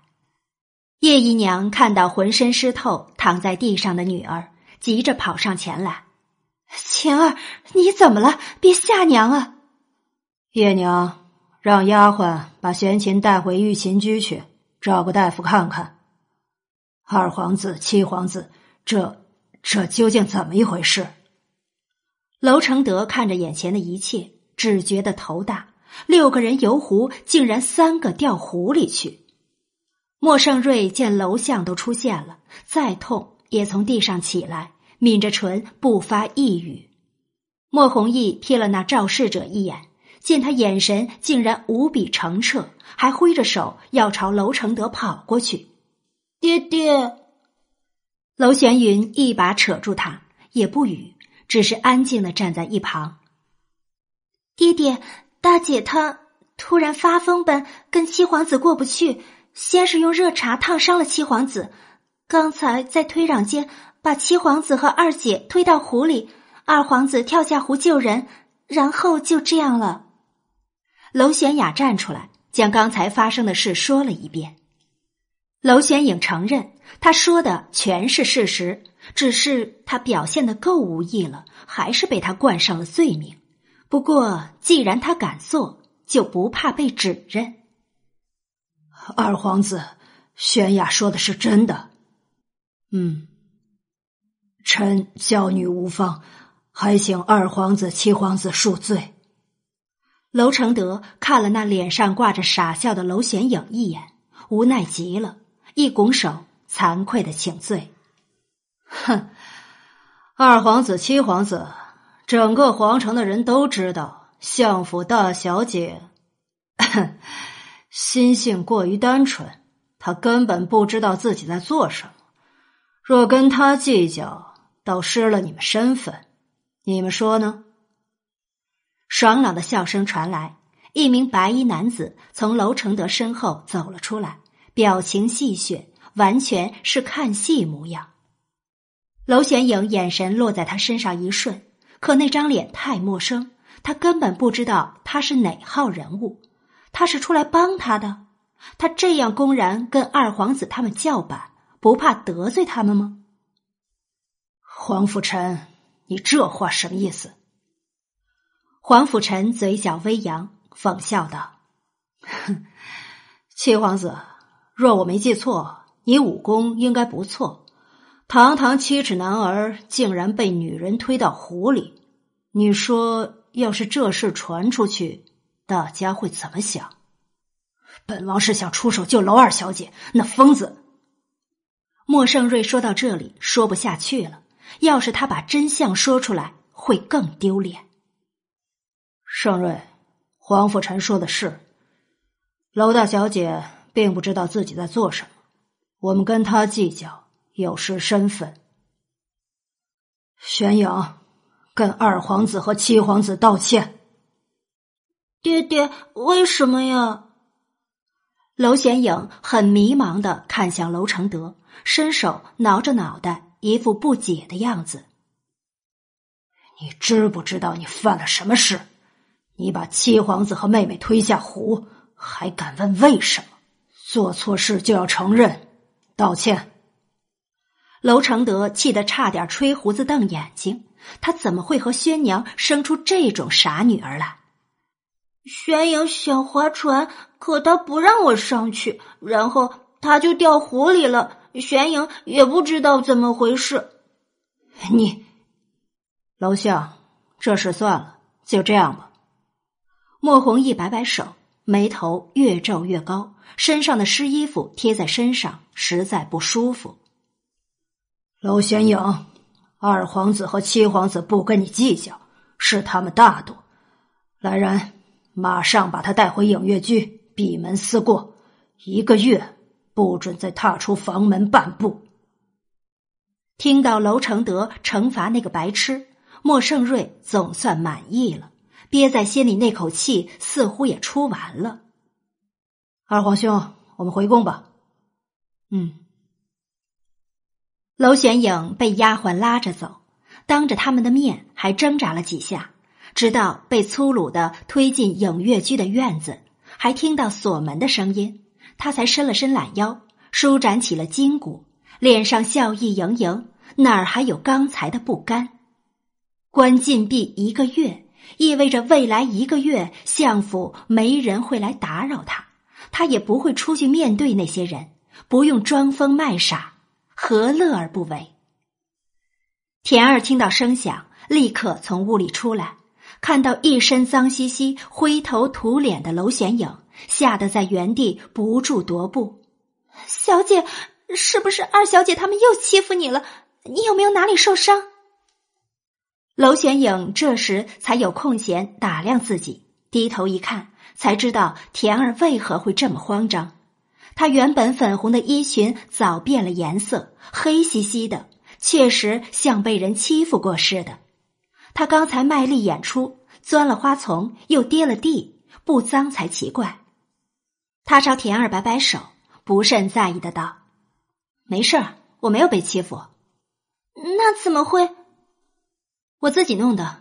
对了，田二，爹给我下了禁令，一个月不准出影月居，可能要委屈你跟我一起关禁闭了。他乐呵呵的说完，负手大摇大摆朝屋里走去。一个月，田儿惊呼出声，跟在他身后走，似乎不敢相信自己听到的。在他看来，这明明是大成，可小姐看起来为什么这么高兴？小姐，老爷为什么要罚你？呃，因为我刚才做错事了吧？娄玄影进了屋，打开衣橱，随手拿了件白色长裙，脱了身上的粉色衣裙换上，捣鼓了好一阵。最终还是招来田儿，才把繁缛的衣裙换好。真麻烦，换件衣服都这么难。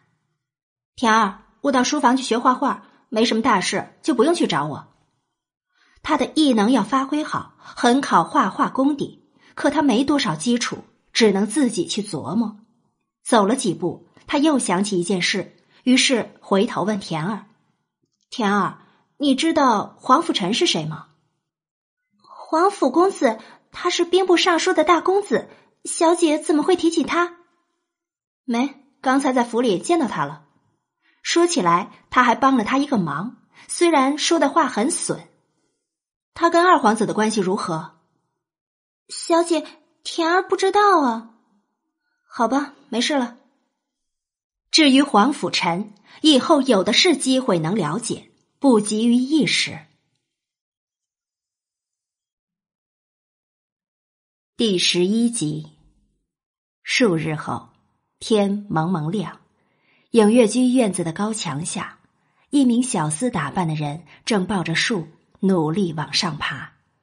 田儿焦急的在树下张望，既要留意那人的安全，还要担心是否有人跑进院子来。小姐，你真的要出去啊？万一让老爷和姨娘知道……那名小厮打扮的人正是娄玄影。安了，知道又怎样？唬唬就过去了。真过不去，就承认我恢复正常了。贪玩想出去呗。爹真要生气，就再关我禁闭久一点。他还能杀了我不成？娄玄影说着，又奋力往上蹭了蹭，身上的粗布衣衫摩擦着他的皮肤，还真疼。他的柳眉也微微皱起。这羸弱娇小的身体啊，也不知道能不能经受住他的折腾。技术不行，能画出衣衫模型就不错了。他也就不抱希望料子有多舒适。这一趟偷溜出府，他一定要多买几本画册回来。小姐，老爷关你禁闭，你还是别出去吧。田儿怕府里人知道你不见了。田儿，放心。自从爹不准我出影月居，这几天除了送饭菜的人，你有看到其他人踏进这个院子一步吗？送饭的人过来，你收了饭就好。日落前，我一定会回来的。他说完，抓住高墙一跃跳了上去，探着脑袋往外看，围墙外就是巷子，方便他溜回来。这还要归功于娄承德把他打发到王府偏僻院子来。田儿，我出去了，你帮我瞒着，可别自乱阵脚，告诉别人我出府去了。娄玄影再三叮嘱田儿后，踩在围墙上，小心翼翼的往前走，最终借着围墙外的低矮树枝爬出了相府。田儿再怎么焦急，也无可奈何，原地跺了跺脚，唉声叹气起来。小姐恢复正常是好事，可胆子也太大了吧？还有，他身上那件小丝衣衫究竟是哪里弄来的？怎么看着有些眼熟呢？从小巷里出来，娄玄影如脱缰的野马往人多的地方奔去。他生性本好动，在现代时，鉴定师的工作更是给了他满世界飞的机会。如今让他关在相府里，他早就受不住了。天色还早。可皇城的街市上早已熙熙攘攘，摊贩的吆喝声此起彼伏。娄玄影一路逛过去，看到一些古玩，便东摸摸西看看。凭他多年的鉴定经验，一眼扫过去，并没有发现高价值的古玩。在这榆木市场中，他本也没抱多大希望。小伙子，你拿着我这个小玉瓶很久了，你买得起吗？不买。就别一直拿着，万一摔碎了，就是把你卖了也赔不起。走走走，别站着影响我做生意。摊贩不耐烦的朝站在他摊位前的娄玄影挥手，看他身上穿着的粗布衣裳，肯定拿不出几个铜板。他可不指望他能买他摊上的东西。娄玄影一愣，自是听出了他话里的嫌恶。他这一路看下来，唯一满意的就是这个小玉瓶。虽然等次算不上多高，可却是众多瓷器里做工较为精致的一个。这小摊贩竟然狗眼看人低，他身上可是怀揣着一袋银两，随便甩一锭都可以把他整个摊子买下来。他撇嘴，也懒得跟他计较，将小玉瓶搁下，二话不说转身就走。被小摊贩这么一扰，他闲逛的好心情都没了。找人问了书肆的位置，便一路寻了过去。兰亭书肆是皇城最大的书店，听说那里的书画最齐全。当“兰亭书肆”四个烫金大字出现在他眼前时，他乐得直往书肆里窜，吓了书童一大跳。有什么可以学作画的画册吗？我要买。娄显影本想自己去找，可一进门就被里头密集的书架给吓到了，啧舌不已，只能向书童求助。有，我们兰亭书肆的书画可是很齐全的。书童自豪的说着，引领着他到画册架前，很快再次傻眼。只见娄玄影从衣袖里拿出了一块方形布，在原木桌上摊开。而后随意从架子上抽出一本画册，翻动几页，没有任何犹豫，就将它放置在方形布上。很快，他就找了近二十本画册，好像搬不回去。唉，要不就先买这些吧，下次再出来买。他自言自语一番，终于决定收手，利索的将布包起，对角一打结。抱着小山高的包袱，步履蹒跚的往前走，结账。书童老半天才回神，看他瘦弱的样子，似乎会被那包袱压垮。他忙跑过去想帮忙，却被他阻止了。不用，啊，你告诉我哪里结账就好。这边走。书童将他带到柜台，便见他踮着脚，艰难的将包袱放到柜台上。老板，他要买这么多书画。呃，书肆老板从账本中抬头，被眼前的书堆给吓到。这位客人，你确定要买这么多？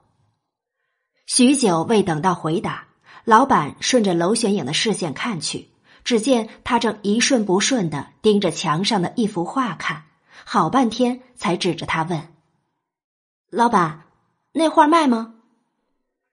老板一听，哈哈大笑道：“哈哈哈，小伙子，你买这么多书画，肯定在书画上有研究，眼光也不错。从你的眼神里，我就知道你喜欢这幅征图。只是它是我们兰亭书肆的宝画，千金不卖。”娄玄影一听，难免有些失望。但老板说的很清楚，那画千金不卖，他再欣赏也不能强人所难。又抬眼望去，眼里的赞赏不言而喻。征途纵长目测近半米，横长一米多，画风飘逸洒脱。征途中的将士神采各异，看着画，眼前仿佛看到数万远足的将士气势磅礴的朝自己走来。老板，那是谁画的？他很好奇，谁的画工如此高超？右下角不是盖着章吗？天井。至于他是谁，我只能说我也没见过。哦，娄显影轻点头，可视线还是舍不得从那幅画里移开。老板看他实在是喜欢那画，想了想。从柜台里拿出一幅画，朝他递了过去。小伙子，这是临摹征图所做的画，当然，画工是不及原作，可技巧还是相当纯熟的。看在你这么喜欢那画，今天又光顾我这么大笔生意的份上，我就把它送给你了。第十二集，娄玄影惊喜的接过手，将画卷打开，对比墙上那幅神作。老板说的确实没错，虽然比不上原作，但画工也相当不错。谢谢。书肆老板见他欣喜有加，心想送对了人，他笑着轻点头，把娄玄影打好结的包袱打开。手指在算盘上熟练的敲着，而后道：“小伙，你这二十来本书里有好几本是精装版，价钱比较高，合着十八两。”娄玄影拿出银两掂量了下，递过去。还好他现代时研究的是古物，对银两这些用法还是熟悉的，不然这古代的日子就不好过了。十八两对富人家来说不算什么，可平常百姓可靠他过一年了。看他穿着寒酸，竟没任何犹豫就付了银两，而且那钱袋沉甸甸的，里边的银两可不会少。不过细看之下，虽然他衣着寒酸，但细皮嫩肉的，也不像做粗使活的。难不成是乔装？小伙子，这些书画可重着，府在何处？我可让人帮你送过去。不必了，我能背得回去。我家少爷让我出来买的，我出来的时间也够久了，要回去了。娄玄影呵呵笑着，他可不敢说出相府来，所以还是自己背吧。他将包袱重新扎好，往瘦弱的肩上一甩，咬牙往外走，步子还摇晃了几下，看得老板和书童都替他捏把汗。娄玄影高估了自己的能力，好几本。还是厚重的精装本，实在太重了。他好不容易走到街市上时，已气喘如牛，将背上的包袱直接甩到地上，一屁股坐在上边，想先休息一下。若此举让书肆老板看在眼里，必定心疼他这些刚被买走的书画，还以为娄玄影是爱书之人，这些书竟然转眼就成了他的椅子。让开，让开！景王爷回城了，所有人让道。凶恶的声音传来，数名侍卫打扮的人举着长矛，吆喝着开路。老百姓放下手头的活，纷纷退散街道两旁，驻足观望。还有些人小声议论起来：“景王爷不就是……嘘，现在可不是说这事的时候。”娄玄影的位置虽然不是路中央。但也绝不靠边自然也该退让。他不过是偷溜出相府来的，可不想沾惹上麻烦。刚站起来，想拖着他那袋书挪开，然而一抬头，却被黑马上那个男人给惊住，忘了下一步动作。萧默望着那张熟悉的面瘫脸，他呼吸一滞，失神了好久。白衣长袍在身，长发。不羁的竖起，青丝随风飞扬，薄唇紧抿，眉宇间的桀骜配上棱角分明的俊颜。让开，别挡了景王爷的道！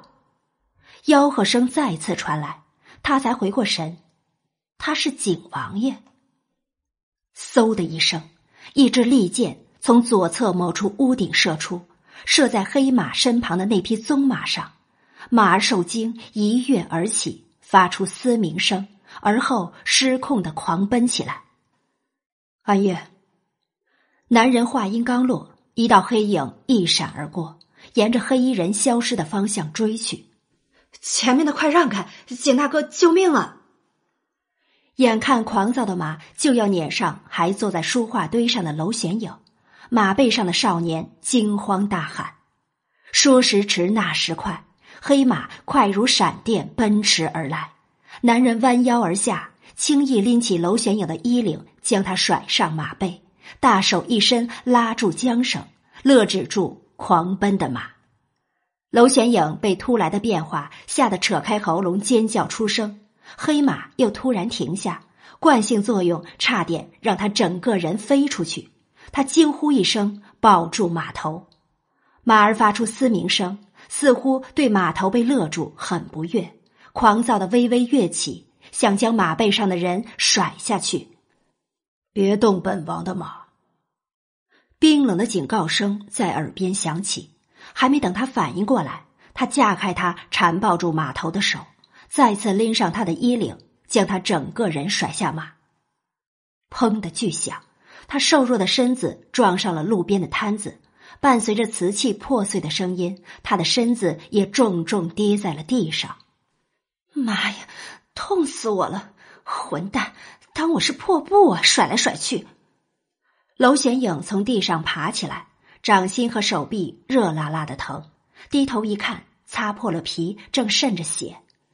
我的瓶子！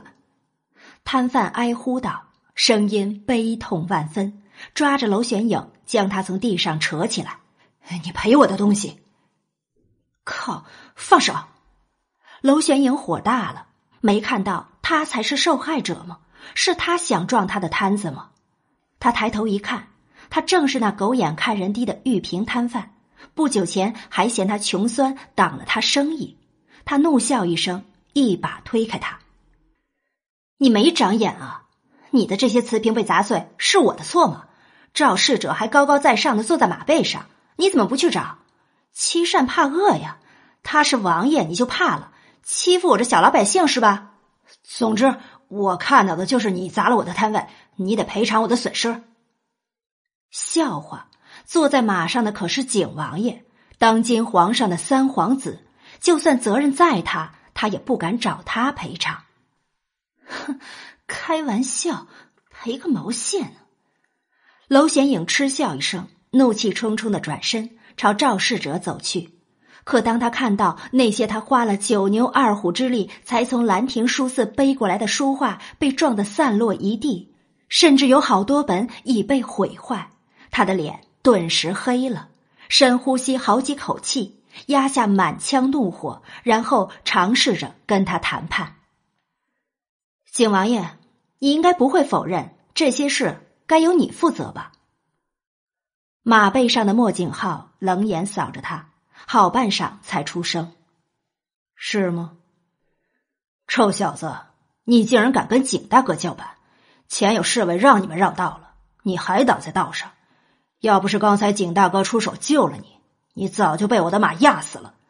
你不感激景大哥也就算了，还想将责任推给他，你活腻了是吧？”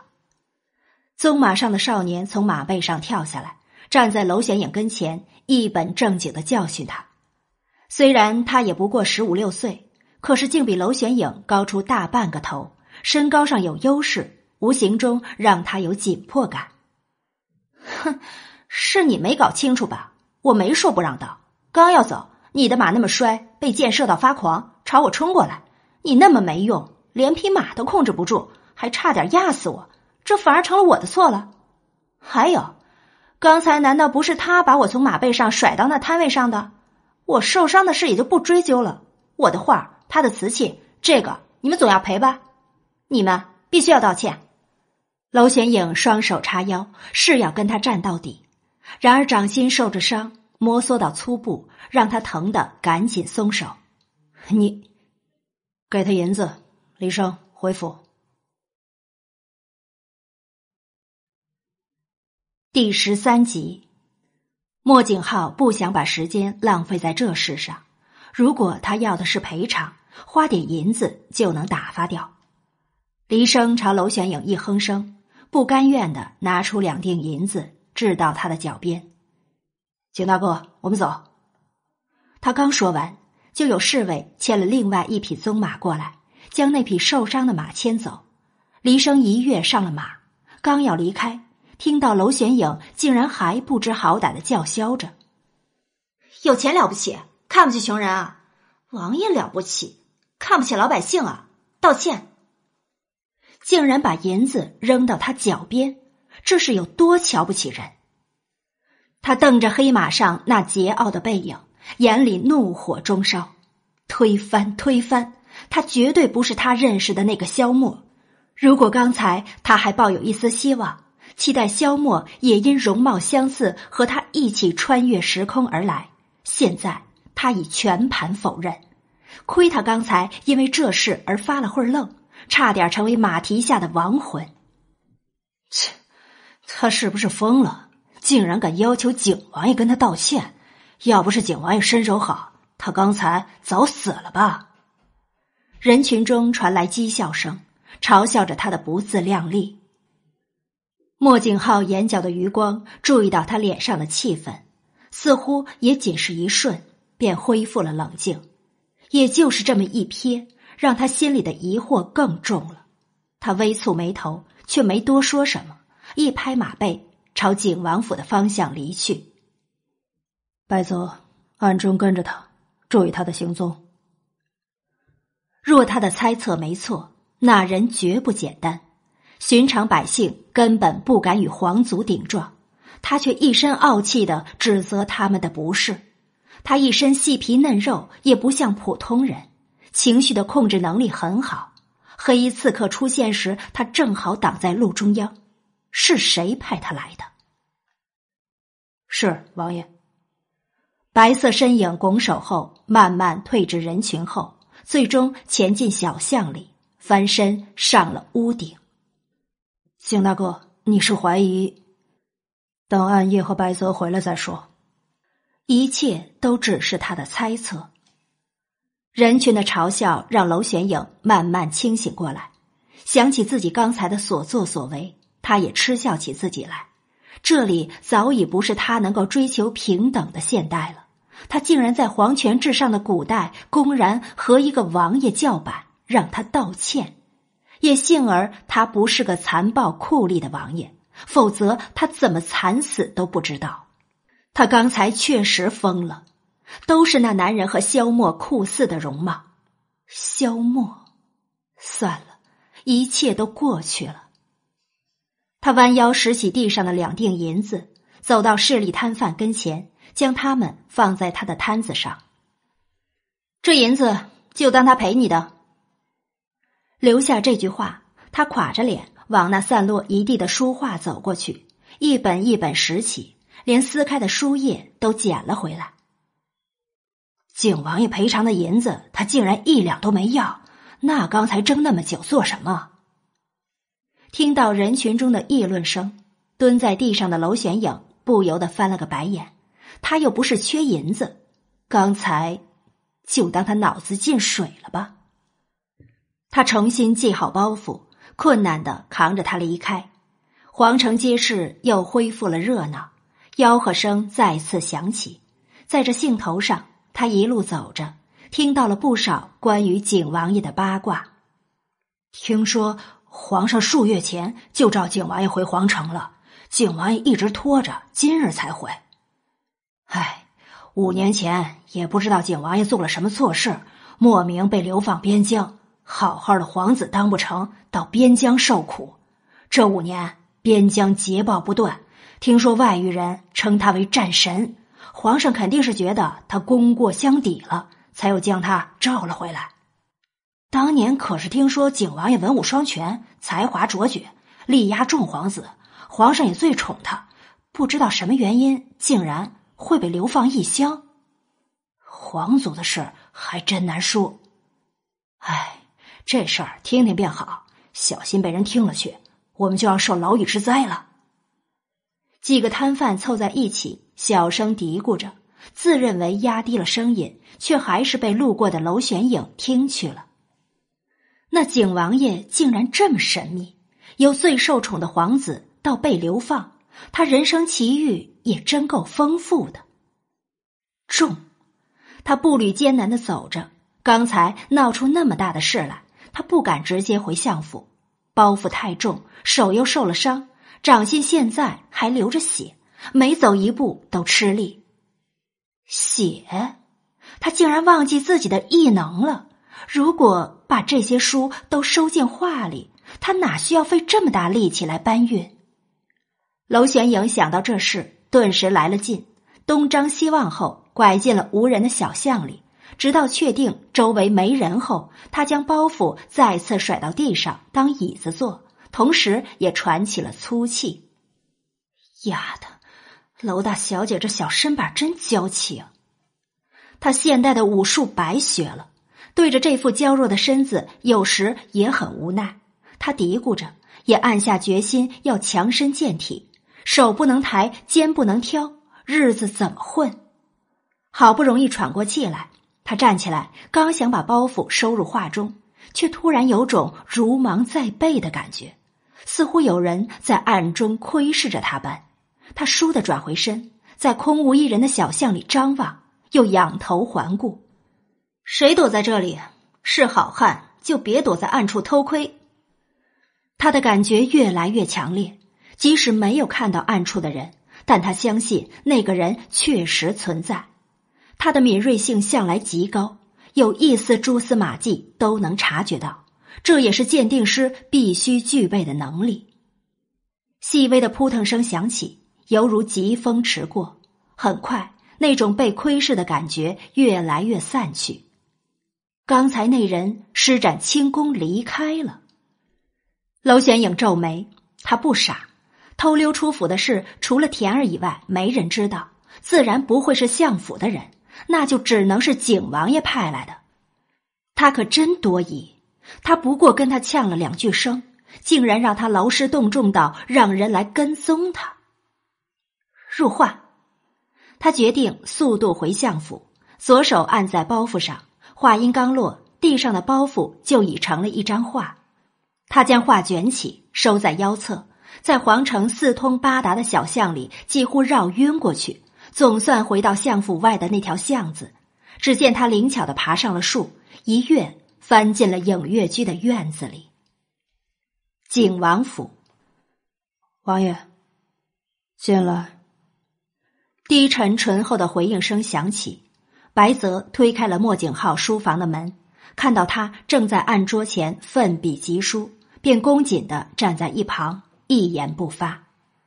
莫景浩落下最后一笔，搁了毛笔，淡声道：“说吧，王爷，你离开后，他把黎少儿留下的两锭银子都给了那摊贩，困难的扛着包袱就走了。他走得很慢，最后绕进了巷子里。”但他的警觉性很高，属下刚接近就被察觉，只能远远跟着。如果属下没看错，他最后是拐进了相府后的巷子里。第十四集，莫景浩修长的手指在书桌上有节奏的敲着，好一会儿才自语道：“两锭银子都没拿，果然不是寻常百姓。”他是相府的人，如果相府和他勾结，事情会更难办。王爷，暗夜回来了吗？暗夜，莫景浩话音刚落，一身黑衣、戴着银色面具的人推门进来，朝书桌前的主子一拱手，便退到白泽身旁。暗夜追上的黑衣人们是谁派来的？白泽迫不及待想知道答案。被逼到绝路，他跳崖了。呃，白泽一时无语。暗夜咄咄逼人的劲头还是不减，凡是被他盯上的目标，至死方休。王爷，黑衣人与那少年会有关系吗？白泽，查一下他与相府的关系。是王爷。白泽拱手应下，与暗夜一起退出了书房。不久后，又一道敲门声响起。王爷，吴公公传皇上口谕，宣您入宫。景王府万总管前来传话。书房里，莫景浩握笔的手紧一顿，很快又继续书写起来，不带丝毫情绪的回答：“跟吴公公说，本王赶了几天路，过于疲累，过几日再说。”是王爷，万总管叹了口气。五年了，王爷怕是还没从当年的事里走出来。可惹怒皇上，绝对不会有好下场。王爷为什么不明白这个道理呢？可他只是王府总管，也知道王爷决定的事，任何人都改变不了，只能退下去向吴公公回话。影月居里，换回一袭粉色长裙的娄玄影，舒服的倒在大床上，柔软的布料再也不会硌她的肉。看来他应该勤练画画才是，以后想偷溜出府，才不会让自己遭罪。抬起双手，他看着掌心中擦破皮处，虽然已不再流血，但碰触到还是微疼。想起在皇城街市上发生的事，他翻了个身。哀嚎一声。自从他来到这古代后，最凄惨的就是这一双手了。旧伤刚好，又添新伤，难道是为了让他练习异能？小姐，小姐！田儿急吼吼的冲进来，声音里带着莫名的兴奋，让躺在床上的娄显影好奇的爬坐起来。田儿，什么事让你乐的？田儿凑了过来。神秘兮兮的告诉他：“小姐，听说二小姐病得不轻，今天跟发了疯似的，在府里做了很多奇怪的事。奇怪的事，比如二小姐的行为举止很奇怪，做的事也很出格。府里现在传的沸沸扬扬，都在议论二小姐行为不检点。这样啊，娄玄影摸着下巴，脸上的表情很耐人寻味。很快又戳了下田儿的脑袋瓜子。田儿，你这是幸灾乐祸吧？二小姐最坏，欺负小姐最多的就是她了。我这是替小姐抱不平。田儿，还是你对我最好。放心，以后我要是吃香的喝辣的，总不会少了你的。娄玄影拍了拍田儿的肩膀。他来到古代后，田儿确实是跟他最为亲近的，两人性格上也合得来。经过几天的磨合，已培养了不少默契。至于那个妹妹，听到这事，他还真挤不出同情心来。说到底，他也觉得幸灾乐祸。坐山观虎斗，他过他的逍遥日子，才不管府里众姨娘、众姐妹斗翻天呢。小姐，你一点都不觉得吃惊吗？二小姐突然变成这样，她被人下了药呗。下药？谁敢给二小姐下药？娄玄影抿嘴淡笑不语。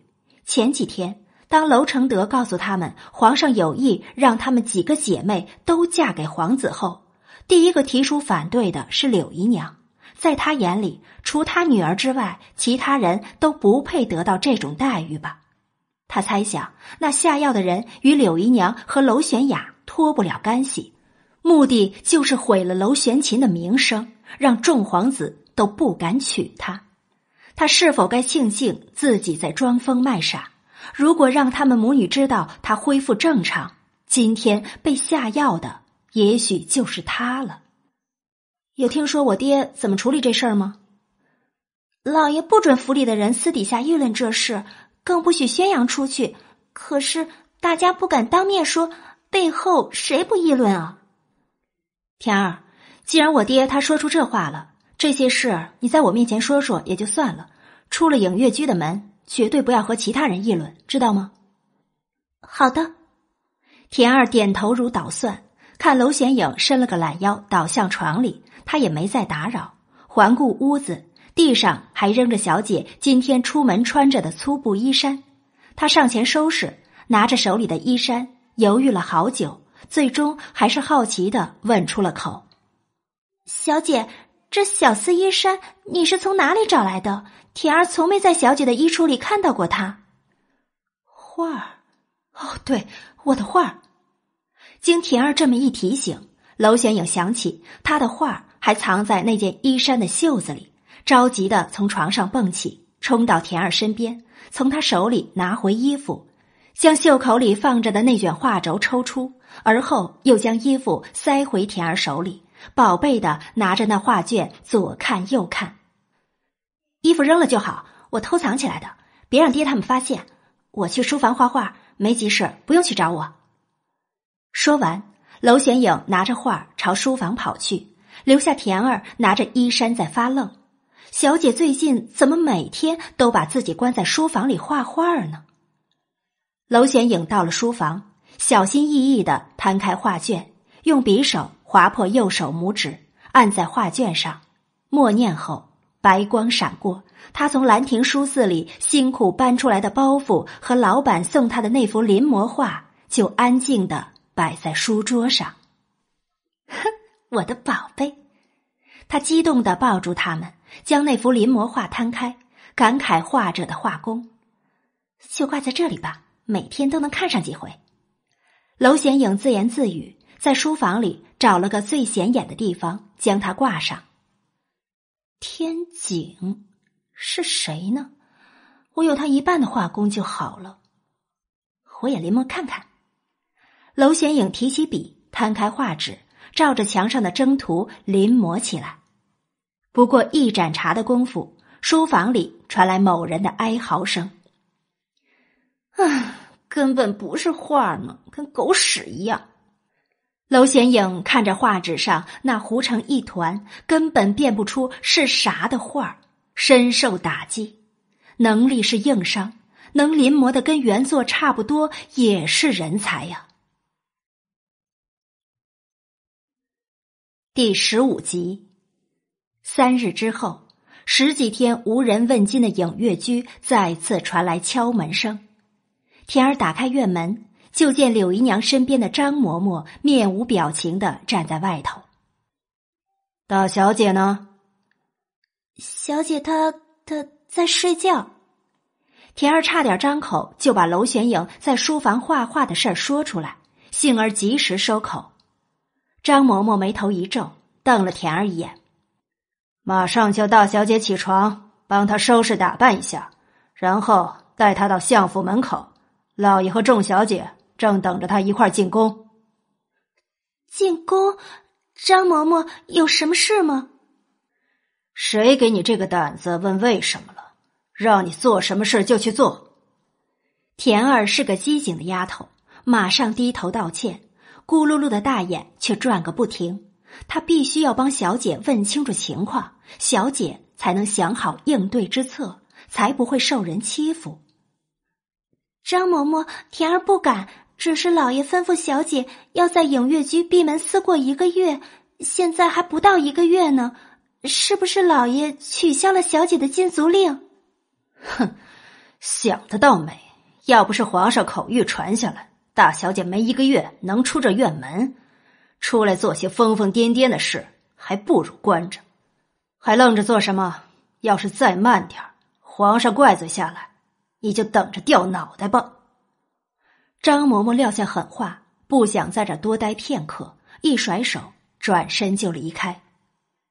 皇上口谕啊，看来是真的。小姐，田儿一拍脑袋，急忙往书房跑。小姐，别画了，老爷让人传话来了。影月居是个小院落，书房离院门并不远。耳力极佳的娄玄影，早在张嬷嬷敲门时就留意到了，自然也隐约听到了他和田儿的谈话。几乎在田儿的手敲上书房门的那刻，他先是从里头拉开了房门。张嬷嬷的意思是，爹和娄玄雅他们在王府外等我。小姐，你刚才听到了？嗯。娄玄影拖着下巴做深思状，很快又甩了甩头。算了一会儿就知道什么事儿了，想这么多也没用。唉，爹真不信守承诺，不是一个月不准踏出影月居一步吗？这一个月还没到呢，就这么急着喊我出门，我还没待够呢。他一边摇头晃脑的往书房外走，嘴里还一边念叨着，老神在在的模样让跟在身后的田儿掩嘴偷笑。当听到他的话时，更是噗的一声喷笑出来。小姐，老爷让你不准踏出影月居一步，可是你连墙都翻出去了。如果这几天不是田儿拦着你，你也许翻更多次了。哼，谁让府里没意思呢？围墙外的世界挺不错的。田儿，下次有机会，我带你一起翻墙出去玩。嗯，小姐，若是被老爷发现，老爷会打断田儿的腿吧？娄相就算再怎么不喜欢小姐，那也是他的亲生女儿啊！放心，我护着你呢。主仆俩一搭一唱，很快就回到了卧房。娄玄影坐在梳妆台前，托着下巴，透过铜镜瞧着镜子里的自己。田儿很尽责的替他梳理长发。田儿，要不给我画个大腮红吧？娄玄影突然蹦出来的一句话，让田儿握在手里的梳子一抖，差点掉地上去。稳住心神后，不确定的询问：“小姐，大腮红是什么意思？”“就是两边脸颊涂满腮红，跟猴子屁股那么红就对了，越丑越好。”“为什么呀？大家都希望自己越打扮越漂亮，你为什么要把自己弄丑啊？”爹说过，皇上有意把我们四姐妹都配给皇子。天儿，刚才你也听到张嬷嬷说的了，此次进宫是传皇上口谕，而且一下子召我们四人一起入宫，八九不离十是跟这事儿有关。说不定众皇子都召齐了，就等着挑人了。弄丑一点就没有皇子会挑中我了。他这样说着，修长的食指沾上腮红，对着铜镜直接往自己脸上涂抹。田儿琢磨着娄玄影的话，等他反应过来时，发现小姐的脸已经被涂抹的不成样子了，不禁惨叫一声：“小姐，你还真涂啊！”“当然，又不是开玩笑。”“小姐，皇子爷他们都是皇上的儿子。”不久后，肯定有一个会成为太子。他们都是我们宣墨王朝无比尊贵的人，能嫁给他们中任何一个，不都是大好事吗？娄玄影白了田儿一眼，继续手里的活儿，打好腮红，又折腾起自己的柳眉来，拿着眉笔，硬生生将自己秀气好看的眉毛画成大黑眉。没兴趣，谁爱嫁谁嫁去，我还不想嫁，嫁人有什么意思？在这里，女人嫁了人，不就跟戴上枷锁一样，什么自由都没了？甚至哪天看多一眼别的男人，也许都会被扣上“红杏出墙”的帽子。他在心里又补充了这么一句。一炷香的时间过去了，田儿偷偷朝镜子看去一眼，很快又别开脸。他看到的是一张大花脸，真佩服小姐的勇气，小姐。你一会儿真的要顶着这样一张脸出去，老爷肯定会生气的。娄显影又细瞧了瞧镜中的自己，也不由得啧舌起来。他把自己的脸折腾成这样，若还有哪个皇子不嫌弃他，愿意娶她，那他就嫁了吧。顶着这样一张脸，惨不忍睹的他自己都会被自己吓到。爹肯定会生气。但有三个女人会特别高兴。砰砰砰，院子里传来重重的拍门声。很快，张嬷嬷凶狠的骂声也传进来了：“田儿，你这死丫头，我让你给大小姐打扮一下，这么久还没出来，你们想让老爷和其他小姐等多久？想让皇上等多久？真没耐性，这么一会儿就发飙了。行了，田儿，我们出去吧。”娄显影伸着懒腰站起来，洗净了手，开门出去。想当然尔，大花脸吓了张嬷嬷一跳。不过张嬷嬷很快反应过来，只顾着偷笑，早把刚才等人的不耐跟火气抛到九霄云外。他轻咳了声，未对娄玄影的妆容发表任何意见，匆匆说了句：“大小姐，请跟奴婢来。”便转身带路了。娄玄影注意到张嬷嬷回身那刻，肩膀剧烈抖动着，怕是暗笑笑抽了吧？笑吧，笑死活该！反正他也不会掉一块肉。一路走来，从娄显影身旁经过的相府下人全都掩嘴偷笑，而他却浑身未觉般漾着一脸傻笑，紧跟在张嬷嬷身后蹦着走。当他们出现在相府大门时，娄玄雅三人的反应与众人无异，全都背过身去偷笑。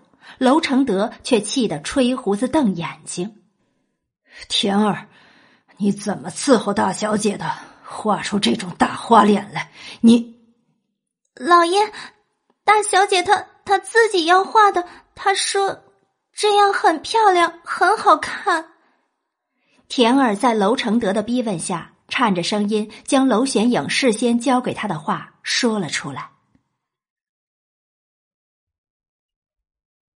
第十六集，娄承德指着娄玄影的大花脸，气得手抖个不停。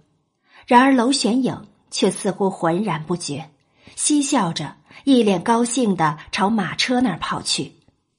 娄玄影，站住！天儿，你马上带他回去。把脸弄干净，这样子进宫去，丢脸的是整个相府。爹爹好凶！娄玄影的脚还抬在半空中，被娄承德那么一吼，愣是不敢再往前，回头可怜兮兮的看着他，喵呜般控诉起来：“是是，奴婢遵命。”田儿慌张的点头。娄相平日里虽然严肃，但何曾这样暴怒？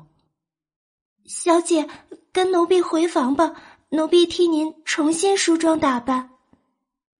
不要嘛，玄影觉得这样好看。娄玄影一嘟嘴，扶开田儿欲伸过来的手，就要继续跑。娄玄影，爹默契。娄玄雅面带微笑上前圆场。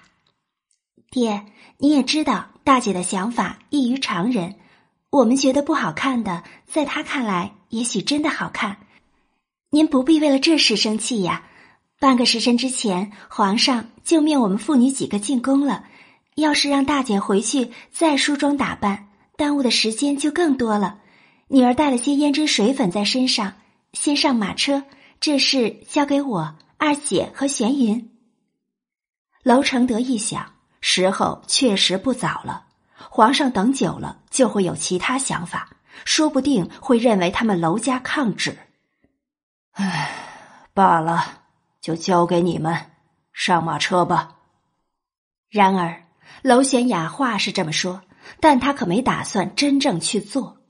虽然吴公公没直说皇上召他们进宫所谓何事，可大家都心照不宣。他恨不得其他姐妹在众皇子面前出糗，以凸显自己的与众不同。娄玄琴与他想法相同，何况他与娄玄雅和娄玄影都有仇。四人分坐马车，四个角落，谁也没跟谁搭话。娄玄影从衣兜里掏出一个小罐子，当着他们的面将小罐子打开，从罐子里抓出一条蚯蚓把玩。啊！三道尖叫声同时响起，吓得车夫立刻勒住马车。小小姐，发生什么事了？娄承德调转马儿。推开车门，一眼便明白里头发生了什么事。只见娄玄影掌心里放着蚯蚓，眨巴着无辜的大眼，疑惑的看着众人，弱弱的问：“你们怎么了？”娄玄雅三人吓得花容失色，挤到离他最远的地方，看到娄承德，就像看到救命稻草般，拉着他的衣袖求救：“爹爹！”大姐，她玩的东西好可怕，我们我们不敢靠近。娄玄影，立刻把你手上的东西扔掉。爹爹，为什么呀？娄玄影很迷茫的望着他。女孩子家玩什么东西不好？你竟然玩虫子！爹，娄玄雅再次害怕的看了娄玄影一眼，鼓起勇气。大胆的向娄承德提议：“大姐根本不知道自己在做什么，万一见了皇上，做了什么过分的事，皇上怪罪下来，可怎么办才好？要不别让大姐进宫了，爹跟皇上说一声。”听到娄玄雅的话，娄玄影脸上还挂着傻笑，心里却在呐喊：“快把我丢回府里，千万不要让我进宫！”否则丢了整个娄家的脸，可别怪他。娄承德沉凝片刻，玄雅的担心他何尝没想过？可皇上没亲眼见过，怎么肯死心？他怎肯拿江山社稷开玩笑？错放一个？不行，这是皇上的旨意，你们四个都必须进宫。抗旨的风险，娄家承担不起。至于玄影的表现，随他吧。若皇上见识过他后，还执意要让皇子娶她，那他也无话可说。玄影，把罐子给爹。娄承德绷着脸朝他伸了手，好一会儿，他才把东西交出来。安分坐着，别惹出乱七八糟的事来，听到没？爹。大姐的妆，就这样吧。他头痛的摆手，他疯癫痴傻是众人皆知的事，打扮的再好，很快也会败露。丢脸就丢脸，至少未犯欺君之罪。看着娄承德将门重新关上，娄玄影大失所望，还是必须要进宫啊！究竟是什么事让皇上？这么执着，皇上，楼相及四位千金求见。吴公公尖细着嗓子进殿来通报，因这一声，圣天殿里好几个人偷偷看向龙座上的莫玄明，见他铁青的脸稍微有些好转，全都暗自松了口气。微臣参见皇上。娄承德带着四个女儿进殿来，马上跪下朝皇上行礼。娄玄雅等人也跟着跪下。臣女娄玄琴参见皇上，臣女娄玄雅参见皇上，臣女娄玄云参见皇上。娄玄影从进殿开始，脸上就带着憨笑，大眼四处溜转，好奇的在殿里东张西望。因个子娇小，前头有娄承德挡着，众人一开始并没特别注意到他。然而娄承德跪下后，他仍笔直的站着，就显得特别突兀。于是众人看到了他，更是注意到他那张大花脸。以莫盛瑞为首，好几个正喝着茶的人同时“噗”的一声把嘴里的茶水喷了出来。他竟然把自己的脸画成那样，那个白痴！莫盛瑞哈哈大笑起来，只差没拍桌子。然而莫玄明立眼一瞪，他立刻收敛了笑，可看到娄玄影那张脸，只好强忍笑意。大姐跪下。娄玄雅轻扯了扯娄玄影的衣袖，小声的示意他跟他们一样跪下。为什么呀？娄玄雅差点抚额。这种时候，他竟然还问为什么？娄承德用力一扯，强迫他跪下，而后一拱手向皇上请罪：“臣教女无方，他不懂礼数，冒犯了皇上，还请皇上恕罪。”不懂礼数，没人教过他吗？莫玄明也不急于让他们起来，楼相胆敢让他等半个时辰，这只是小成。回皇上有教，只是小女她学不会。皇上端起茶，轻啜一口，刚想继续刁难他，眼一瞟，看到原本应该跪在地上的大花脸，竟一屁股坐在了地上，玩起了自己的手指。皇上。您别气，整个皇城的人都知道相府大小姐，呃，这里有点问题。熟知皇上脾性的吴公公知道他动怒了，弯腰小声的劝道，边说还边指着自己的脑袋示意。果真是疯癫痴傻之人，预言上的人包括他，是否需要提防？皇上，吴公公见莫玄明始终没反应，又轻唤了声：“罢了，起来吧，来人，赐座。”莫玄明反应过来，抬手示意工人给他们备座。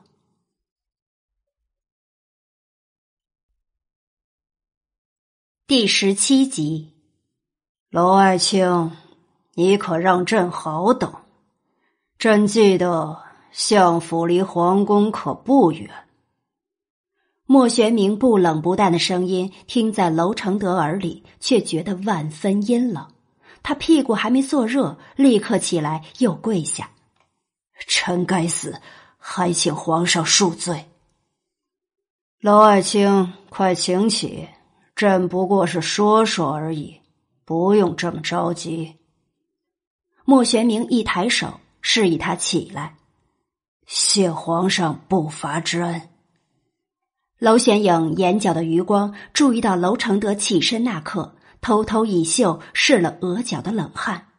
看来皇上是个狠角色，位高权重的丞相对他这么惶恐，仿佛稍惹恼他就会被砍头似的。这样子根本不必怕他有二心。那让众皇子娶娄家四女，就不是所谓的拉拢之意。娄爱卿，朕上次跟你提的事，想必你已经跟你的四个女儿说了吧？今日，朕已经把众皇子叫到这边来，就让他们彼此看看，看对眼了，朕就给他们指婚。娄爱卿，这样可好？一切听从皇上安排。他没有其他选择，不是吗？娄显影一瞟，注意到皇上已召集六位年纪与他们相当或比他们年长的皇子，其中包括莫弘毅和莫盛瑞。至于其他四人，他并不认识。果然是赐婚的事，皇上竟如此着急，看来里头有大内幕。嗯。爹爹，这个真好吃。娄承德心里正惶恐不已时，身旁的娄玄影用油腻腻的小手抓着他的衣袖，摇晃个不停，另一只小手还扬着鱼翅。大姐，皇上还没说可以吃呢，先不要吃。可是玄影肚子好饿。娄玄影可怜兮兮的扁着嘴。边说着，还边用手摸了摸自己扁平的肚子。他今天特意换上白色衣裙，手这么一摸，玉纱衣裙上沾上油腻的污点，让娄玄雅嘴角微抽。他自己却浑然未觉般，手又伸向蟹黄。爹，你看大姐。娄玄雅无奈了，只能向娄承德求救。皇上那高深莫测的表情让他诚惶诚恐，娄承德根本无暇顾及他。皇上，臣的大女儿娄玄影自幼痴傻，恐配不上众皇子。您也看到了，她总做些匪夷所思的事，自己却不明白。唉。那张画的跟猴屁股般的花脸，众人已经接受无能。再看他的行为，哪里是正常人能做出来的？只见他两手各抓着桌上的食物往嘴里送，发出咂巴的声音。吃完，手就往衣服上抹，继而又去拿别的东西，如此的旁若无人，实在很难想象把这样的女人放在府里会是什么样子。众皇子可能都想到了这点，全都面露难色，纷纷别开眼，不敢直视。看着这些，莫玄明紧绷的脸有一丝崩溃，坐在九五至尊的位子上，什么风风雨雨没见过。他很快镇定过来，轻咳一声，肃然道：“娄爱卿，听闻娄家千金个个……”嗯 除娄玄影外，都是才女，琴棋书画样样精通，就让他们展示一下各自的才能吧。是，臣遵旨。娄承德拱手领命，转头那刻脸色复杂，轻拍了拍娄玄雅等人的肩膀：“去吧。”臣女遵命。娄玄雅和娄玄琴同时起身领命，唯有娄玄云有片刻的迟疑，但迫于无奈，只能跟着站起来。这是当小丑表演给他们看呢，表演完后就跟菜市场的猪肉一样，等客人挑拣。娄承德肯定很痛心，养在闺中的宝贝女儿竟然让人这么围观。悠哉吃着食物的娄玄影心里暗暗腹诽着，却也觉得幸灾乐祸。幸好他现在是傻子，不用跟着表演，让人当猴子观看。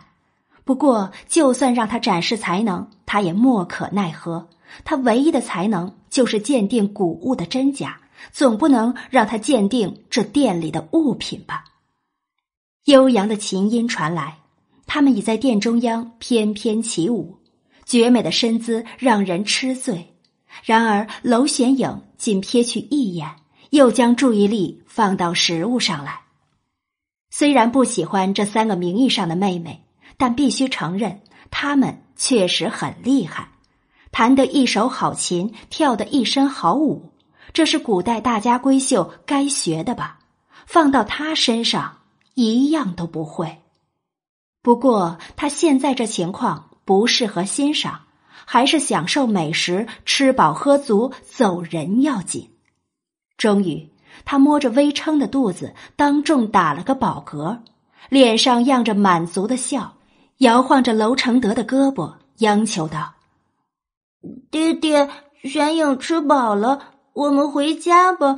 玄影好困啊。”说着，他还打了个大大的呵欠，证明自己真的困了。楼承德看着手臂上那双油油的手，已经无法形容自己此刻心里的感受了。玄影，这是在宫里，不是你说想来就来、想走就走的地方。他试图劝动他，然而娄玄影怎肯就此罢休？他现在的身份不容他现在放手，至少一眼看过去。这大殿之上的六个男人都不是他想嫁的，也不是愿意娶她之人，那他就让他们彻底放弃他。爹爹，玄影不要在这里了，玄影要回家睡觉觉，这里好吵。娄玄影死命摇晃着娄承德，要是在相府，娄承德怕是一巴掌甩过来了，可这里是皇宫。更是当着皇上的面，他再气也不敢对他怎么样。他这么一闹，殿中央表演的三人舞步凌乱，停了下来，继续跳也不是，站在那儿也不是，全都无措的望向自家老爹，又望向皇上。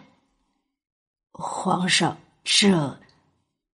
娄承德面露难色，抬头向皇上请示。要不是怕龙颜大怒，他可以惹出更大的事来，整得这里所有人叫苦连天。而莫盛瑞便是他第一个想整的人。不过现在还不是时候，以后自然会有机会。莫玄明揉了揉眉心，他在担忧，究竟要让哪位皇子娶娄玄影？让众皇子选，只怕没人愿意。吴公公。派人将他送回相府。是奴才遵命。吴公公点头哈腰领命，而后疾步走下台阶，来到娄玄影身旁，先是朝娄承德轻点头。娄相，奴才就先派人带娄大小姐回相府了。有劳吴公公。娄大小姐，请跟奴才走吧。爹爹，玄雅、玄琴、玄云，我们要回家了，走吧，走吧。娄玄影一听可高兴了，拉扯着娄承德，蹦跳着就要往外走。玄影，你不是困了吗？你跟吴公公先回府，爹爹跟玄雅他们现在还不能回去。为什么呀？娄玄影又眨巴着那双天真懵懂的大眼。不解的询问：“别问为什么，困了就先回去，不然就继续在这里坐着。”娄承德脸一绷，急吼吼道：“娄玄影胆怯的看他，愣了片刻，才弱声道：‘爹爹，玄影困困，要回去睡觉。’回去吧。”娄承德痛心的朝他摆手。便见他低着脑袋，乖巧的跟在吴公公身后走，似乎刚才被他给吓到了。娄爱卿，他不过还跟小孩子一样，你刚才不应该凶他。呃，是皇上，臣知错。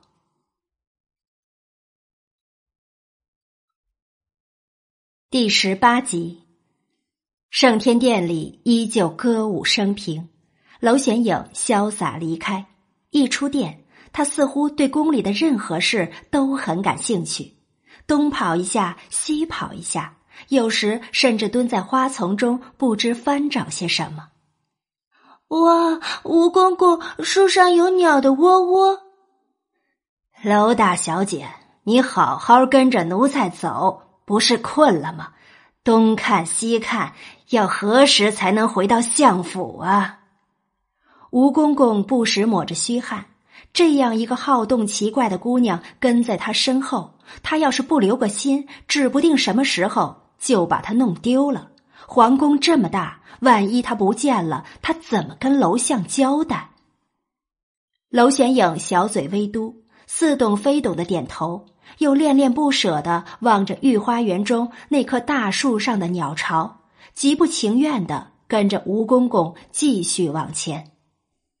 四处张望的他，瞥到前方一抹白色身影，而吴公公远远看到，谄笑的迎上去，点头哈腰向他行礼：“奴才见过皇甫大人。”哟，身后那只脏兮兮的小花猫是谁啊？黄甫臣注意到吴公公身后的娄玄影，看到他那张大花脸，顿时笑不可支。回皇甫大人，他是楼相的千金。原来是楼大小姐，相府什么时候这么寒碜了？竟然买不起手巧的丫鬟替楼大小姐梳妆打扮吗？呵呵呵，把脸画成这样出门，真的好吗？黄甫臣扶着树，几乎快笑岔气。身为女孩子家，竟然敢这样子出门，虽然是痴傻儿，但他还是着实佩服他的勇气。难道相府的人没提醒他这样不合适吗？娄玄影虽然脸上还挂着傻笑。但因他不给面子的哈哈大笑，心里还是腾腾冒着火。身为男人，当着女孩子的面这样嘲笑他，真的好吗？很好，黄甫臣，他可是很记仇的。哥哥，玄影是不是见过你呀？他仿佛见到大熟人般，突然朝他扑了过去，伸出油腻腻的爪子，往他雪白的衣衫上抓去。黄甫臣刚要闪躲，然而自己的手臂已被他牢牢抓住。不但如此，他的手还在他的雪衫上摩搓着。很快，他的衣服上油渍斑斑，看得他脸抽搐不已。呵，娄大小姐不必如此热情，女孩子家要矜持。黄甫臣只觉得那些油斑万分刺眼，朝娄玄影挥动手中的折扇，想要脱离他的魔爪。却发现他越抓越紧，矜持。他跟一个傻子谈矜持，他脑子进水了吧？一身白衣胜雪的人，通常是有些洁癖的。娄玄影就是要让他难受，他才不理会他脸上那痛苦的表情。哥哥，玄影要回家哦，你跟我去玩嘛。吴公公看着这混乱的现场，偏开脑袋。不忍直视，皇甫大人竟然会被这傻子缠上，也真是他的不幸。呃，娄大小姐，我还有事，对我有要事向皇上禀报。下次，下次有机会一定去相府陪你玩。要是此刻抓着他的是男人，他早给他几拳解脱了。可她是女人，而且还是什么都不懂的女人，即使是傻子也是女的。他从不对女人动手，而他又死缠烂打，如何脱身，还真让黄甫臣头痛不已。娄大小姐，奴才该送你回相府了。吴公公也立刻帮腔。哦，回家。娄玄影觉得整够了，总算稍稍肯松手。黄甫臣趁着当下，赶紧将手抽回。如避蛇蝎般往前几步，想拉开与他的距离。嘶的一声，衣服撕裂的声音清晰的传来，让黄甫臣愣了一下。皇甫大人，你的衣角挂在树枝上。吴公公指着树枝上还悬挂着的一小块雪布，小声的提醒。黄甫臣无语，他的衣角什么时候勾到树枝上了？该死！幸好为了给你传话，我弄得一身狼狈。以后跑腿的事绝对不要叫我。他火大了，衣袖上的油污让他浑身难受，衣角还撕去了一块。向来爱干净的他根本忍受不了这一身的狼狈，他必须马上回府换套干净的衣服。望着黄甫臣气恼走远的背影。又看着树枝上那质地柔软的布，娄显影低下脑袋，嘴角翘得老高，惹他就要有被整的心理准备。娄大小姐，走吧，马车在宫外候着了。好，他很乖巧的点头，老实的跟在吴公公身后走。傍晚时分，御书房里，皇上召集了六位皇子，看着书桌前齐沉默的六子，莫玄明的脸严肃的绷紧。叶儿和娄玄雅的婚事就定下来了。娄家还有其他三位女儿，你们的意思呢？谁要纳他们入府？众皇子仍不语，似乎都在等，想看其他人的意思。父皇，为什么一定要儿臣等娶娄家四女入府？娄相虽是当朝丞相，可他的四个女儿，嫡女是傻子，其他三个不过是庶出。莫盛瑞问出了众人的疑惑：若要拉拢位高权重的楼相，不让他生二心，娶他一个女儿也就够了，为何是四个？唉，莫玄明叹气，好半晌，含糊其辞的解释：若不想宣墨王朝易主，让先帝辛苦打下的基业毁于一旦。你们就听父皇的话，事情没发生，一切都难断真假。这么严重？听了莫玄明的话，六人中除了莫恒宇，心中皆起疑。但看莫玄明那严肃的脸，谁都没勇气再往下问。他们也知道，就算问了，父皇也不会明说。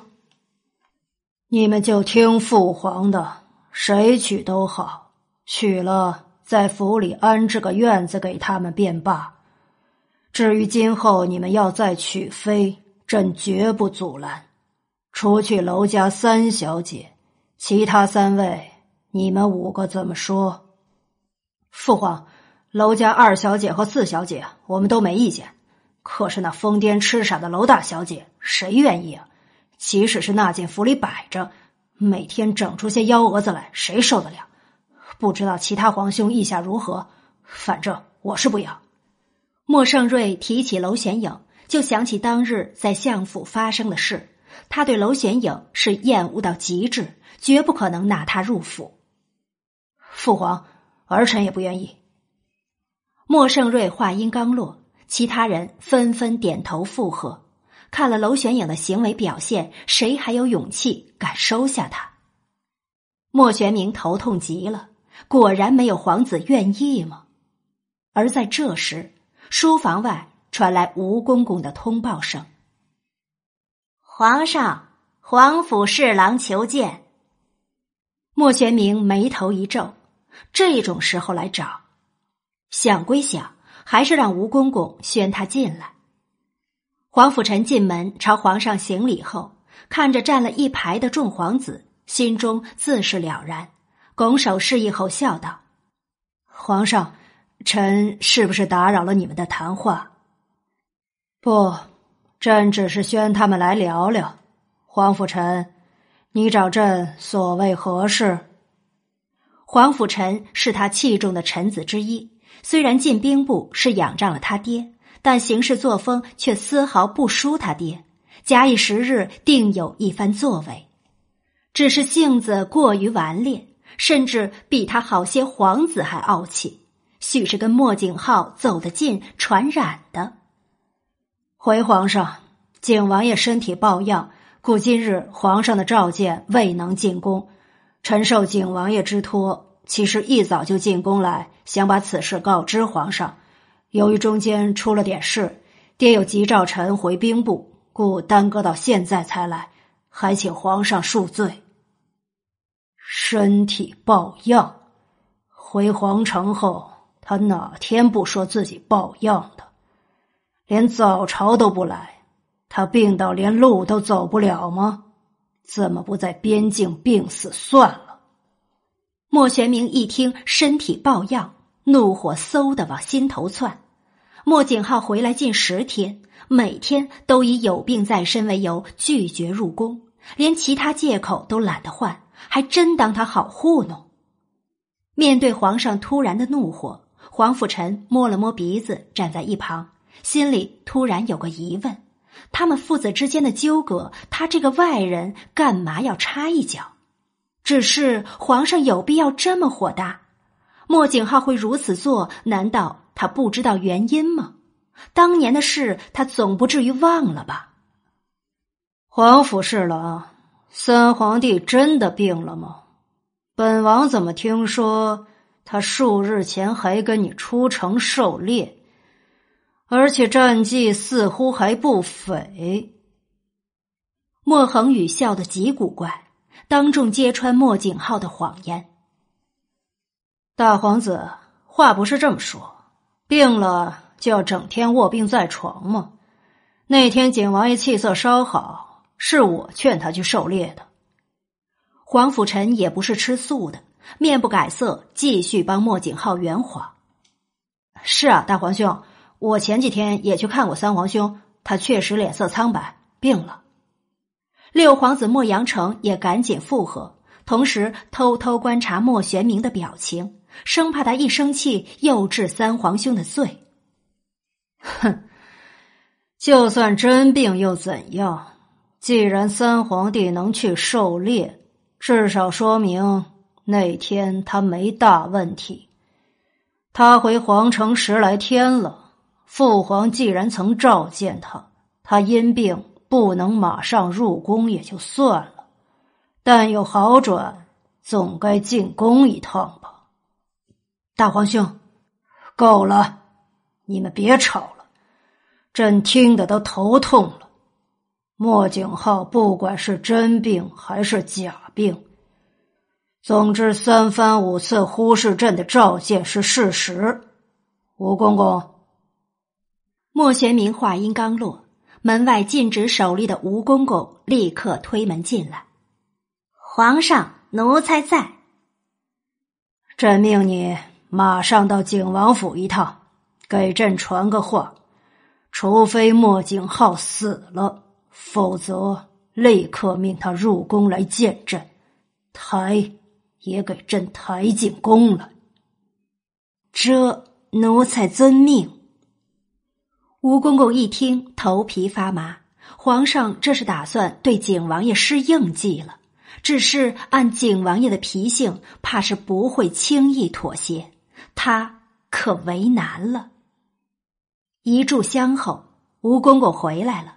看着脸色暗沉的莫玄明，硬着头皮，声音结巴的把莫景浩的话传达出来：“皇皇上，景王爷在看兵书，他说他他没空。”什么？砰的一声，莫玄明一掌重重拍在面前的书桌上，桌上的书甚至抖了两抖。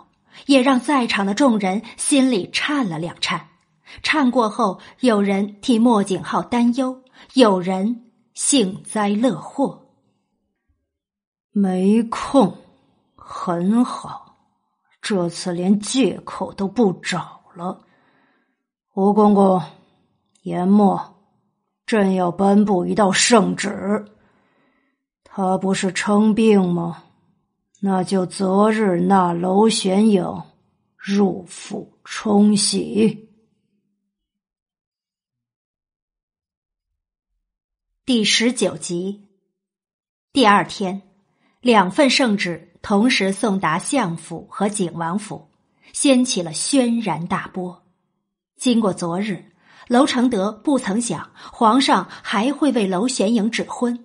而且竟然比娄玄琴和娄玄云还早，只是景王爷，他真的愿意纳玄影入府？他一身傲气，可不像是会被圣命束缚的人，不然五年前也不会由最受宠的皇子沦落到被流放。皇城的人也许不知道五年前事情的来龙去脉。可身为当朝丞相，他可是知根知底。他并非玄影的良人，娄承德收了圣旨后，便坐在大厅里闭目沉思。柳姨娘温顺的在一旁替他揉捏肩膀，心里却不停捣鼓着：那个傻子竟然能进景王府。不过柳姨娘很快就想通了，好在她的女儿很快就能嫁给二皇子，当今最受宠的皇子，也许不久后就是太子妃。而那个景王爷不过是个流放刚回朝失宠的皇子罢了。老爷，玄影这个样子，若真把他送到景王府，万一他做了什么事惹怒了景王爷，那可如何是好？柳姨娘轻言软语的在娄承德耳边吹风，若不去深究他的心思，别人听了还以为他多为相府着想。皇上圣旨都下了，还能怎样？抗旨不成？比起惹怒景王爷，抗旨更严重。娄承德甩甩脑袋，想到他那傻女儿可能在景王府做的事，他就觉得头疼。现在就看景王爷那边怎么说了。如果他都没意见，就只能照圣旨。把玄影送过去了。圣旨传到相府后，隔了大半天，田儿听闻风声，再次慌张的冲到书房。小姐，不好了！田儿这声惊呼让娄玄影手中的笔一抖，瞬间，那张他奋斗了一个下午的画作废了。田儿，别总大惊小怪的，你家小姐我好的很，少咒我。你这一喊，我真的就不好了。唉，我的画。田儿偷偷朝书桌上瞟去一眼，当看到一只奇丑无比的猫时，他吐了吐舌头。小姐的画工真的太差了，他严重怀疑上次在书房看到的那幅砚台画不是小姐画的。哎呀，小姐，田儿不是要跟你说话的，你知不知道？我不知道。娄显影兴趣缺缺的应声，又抽出一张白纸摊开，打算重新画过。谁知才刚提笔，手中的笔就被田儿抢了过去，搁回砚台上。我说：“田儿，虽然我一般不生气，但你最近也忒大胆了吧？好歹你也叫我一声小姐，都敢跟我抢笔了啊！”啊，呃，田儿该死。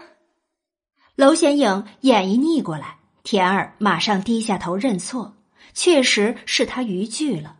小姐从不对他摆架子，也很好相处。久而久之，他竟然忘了该对他恭谨。放到其他院子，他这种行为早被主子杖毙了。得了，逗你呢，不是有事吗？快说，说完就出去，别打扰我作画。他边说边顺手端起桌上的参茶。轻拨了拨茶盖，往嘴里送。小姐，田儿差点把这么重要的事给忘了。听说皇上下了圣旨到相府，是关于小姐你的婚事的。皇上把你指给了景王爷。噗！娄玄影一听，将口中还没来得及咽下的茶水尽数喷了出来，自己还被呛到，猛咳个不停。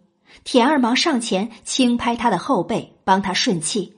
等他好不容易喘过气来，他抓着田儿的衣袖，不确定的问：“田儿，你刚才说什么？再说一次。”田儿也是听府里的人偷偷议论的，皇上下了圣旨，把你指给了景王爷，让老爷十日之内把你送到景王府。我操，这不是真的！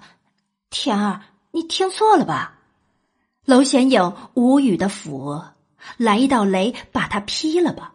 他刚被二皇子退婚，还没乐够，皇上竟然又把他指给了另一位皇子。难道他昨天的表现还不够令人发指？还有不怕死的皇子愿意收了他？等等，景王爷，他反应过来。田儿口中说的人是谁后，脑海中再次浮现萧默的脸，影像最后和那次出府碰上的冷酷男子重叠。Oh my god！景王爷不会是他吧？田儿，你刚才说的景王爷是不是十日前刚回皇城的那位王爷？是啊。诶，小姐，这消息我好像忘记跟你说了，你怎么会知道？娄玄影翻了个白眼，伸手挥开田儿那张脸，拒绝满足他的好奇心。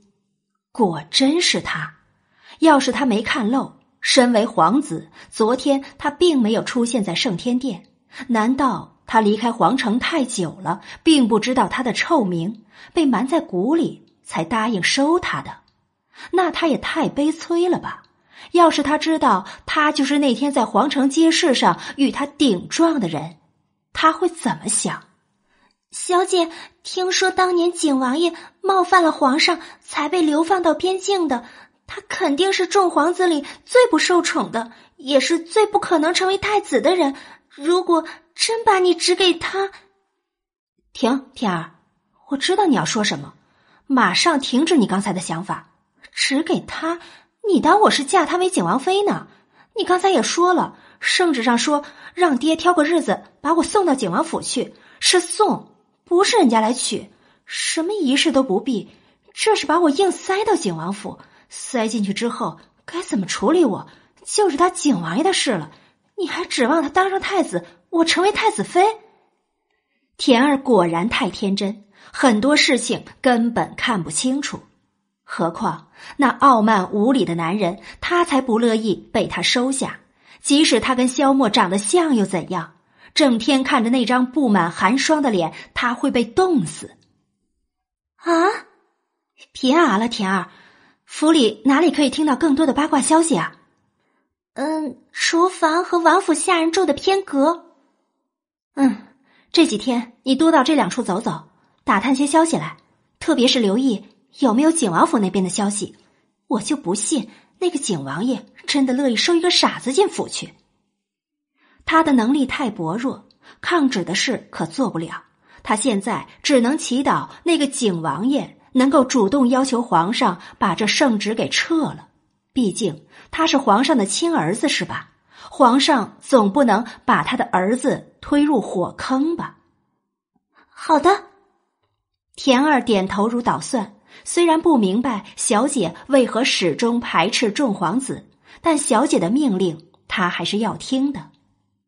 田儿离开后，娄玄影重新执笔作画，心里却很烦躁，始终静不下心来。笔一丢，暂时决定不画了。相府如此不平静，同样接到圣旨的景王府也好不到哪儿去。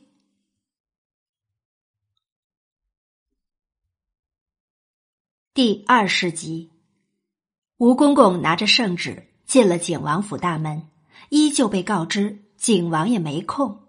王府万总管代为接旨，他无奈只能摸摸鼻子，宣读了圣旨。小人接旨。万总管接过圣旨后，始终忧心忡忡。可以想象，对于皇上这个安排，王爷绝对不会满意的。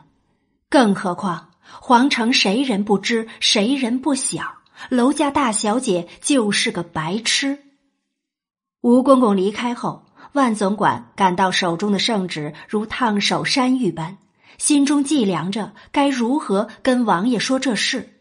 刚转身，就看到一袭白衣的皇甫臣进了王府大门。皇甫大人，您来找王爷。嗯，圣旨。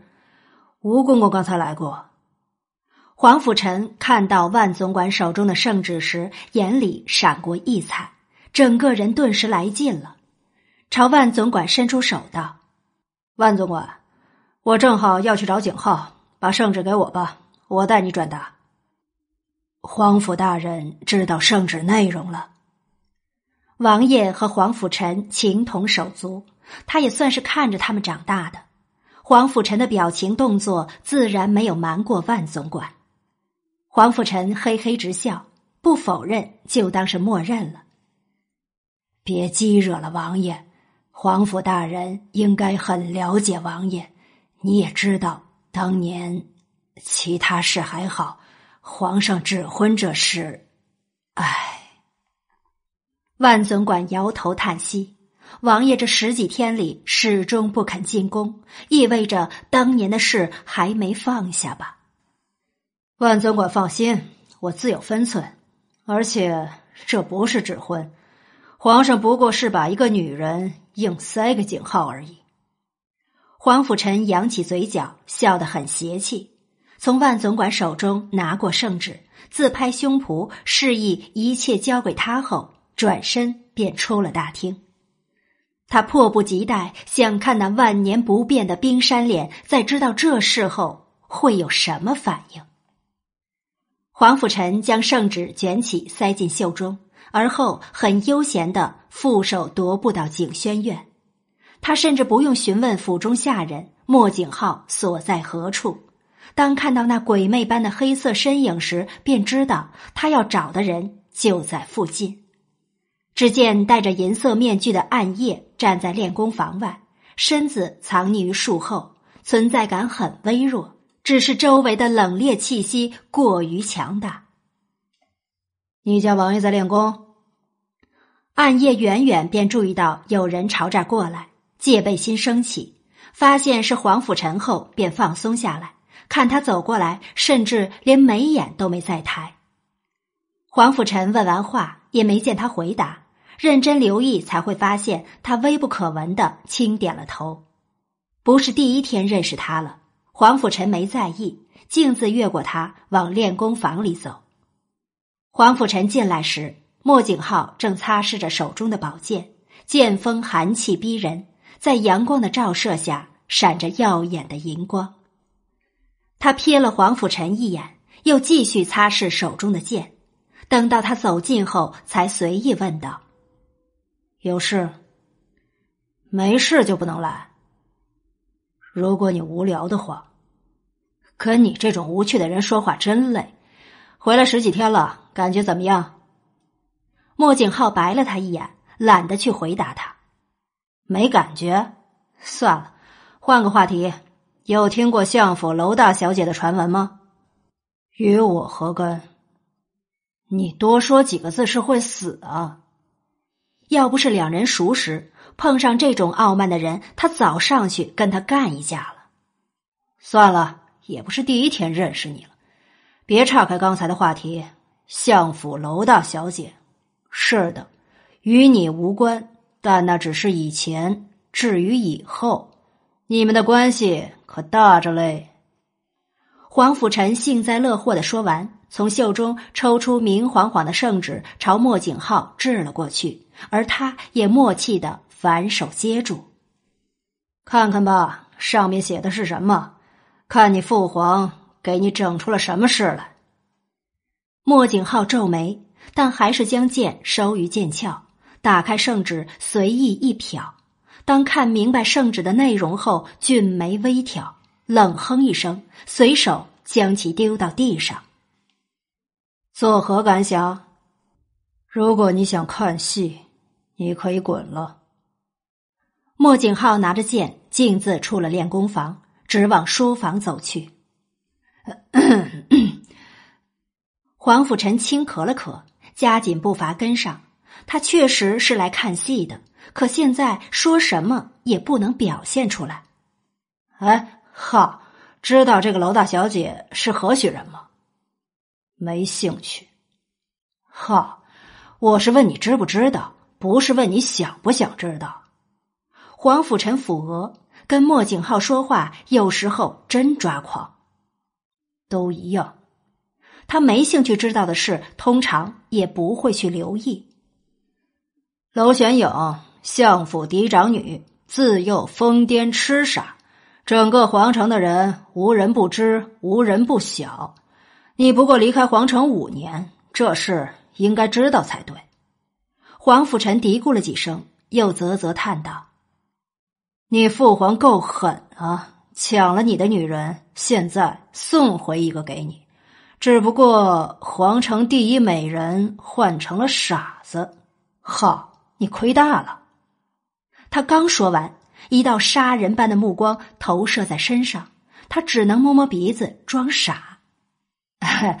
哈，看来只有这事才能让你有正常人该有的反应。你需要我让暗夜送客吗？呃，不不不用。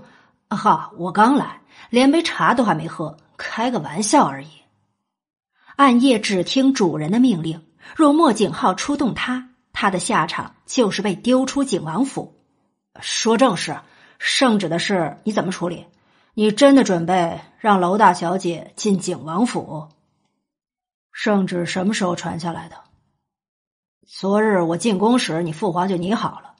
吴公公请不动你，皇上大怒，刚好众皇子里没人愿意娶娄玄影，于是他就把他指给了你。好，话说你现在的力量根本无法和你父皇匹敌，你激怒他只会承受更严重的后果。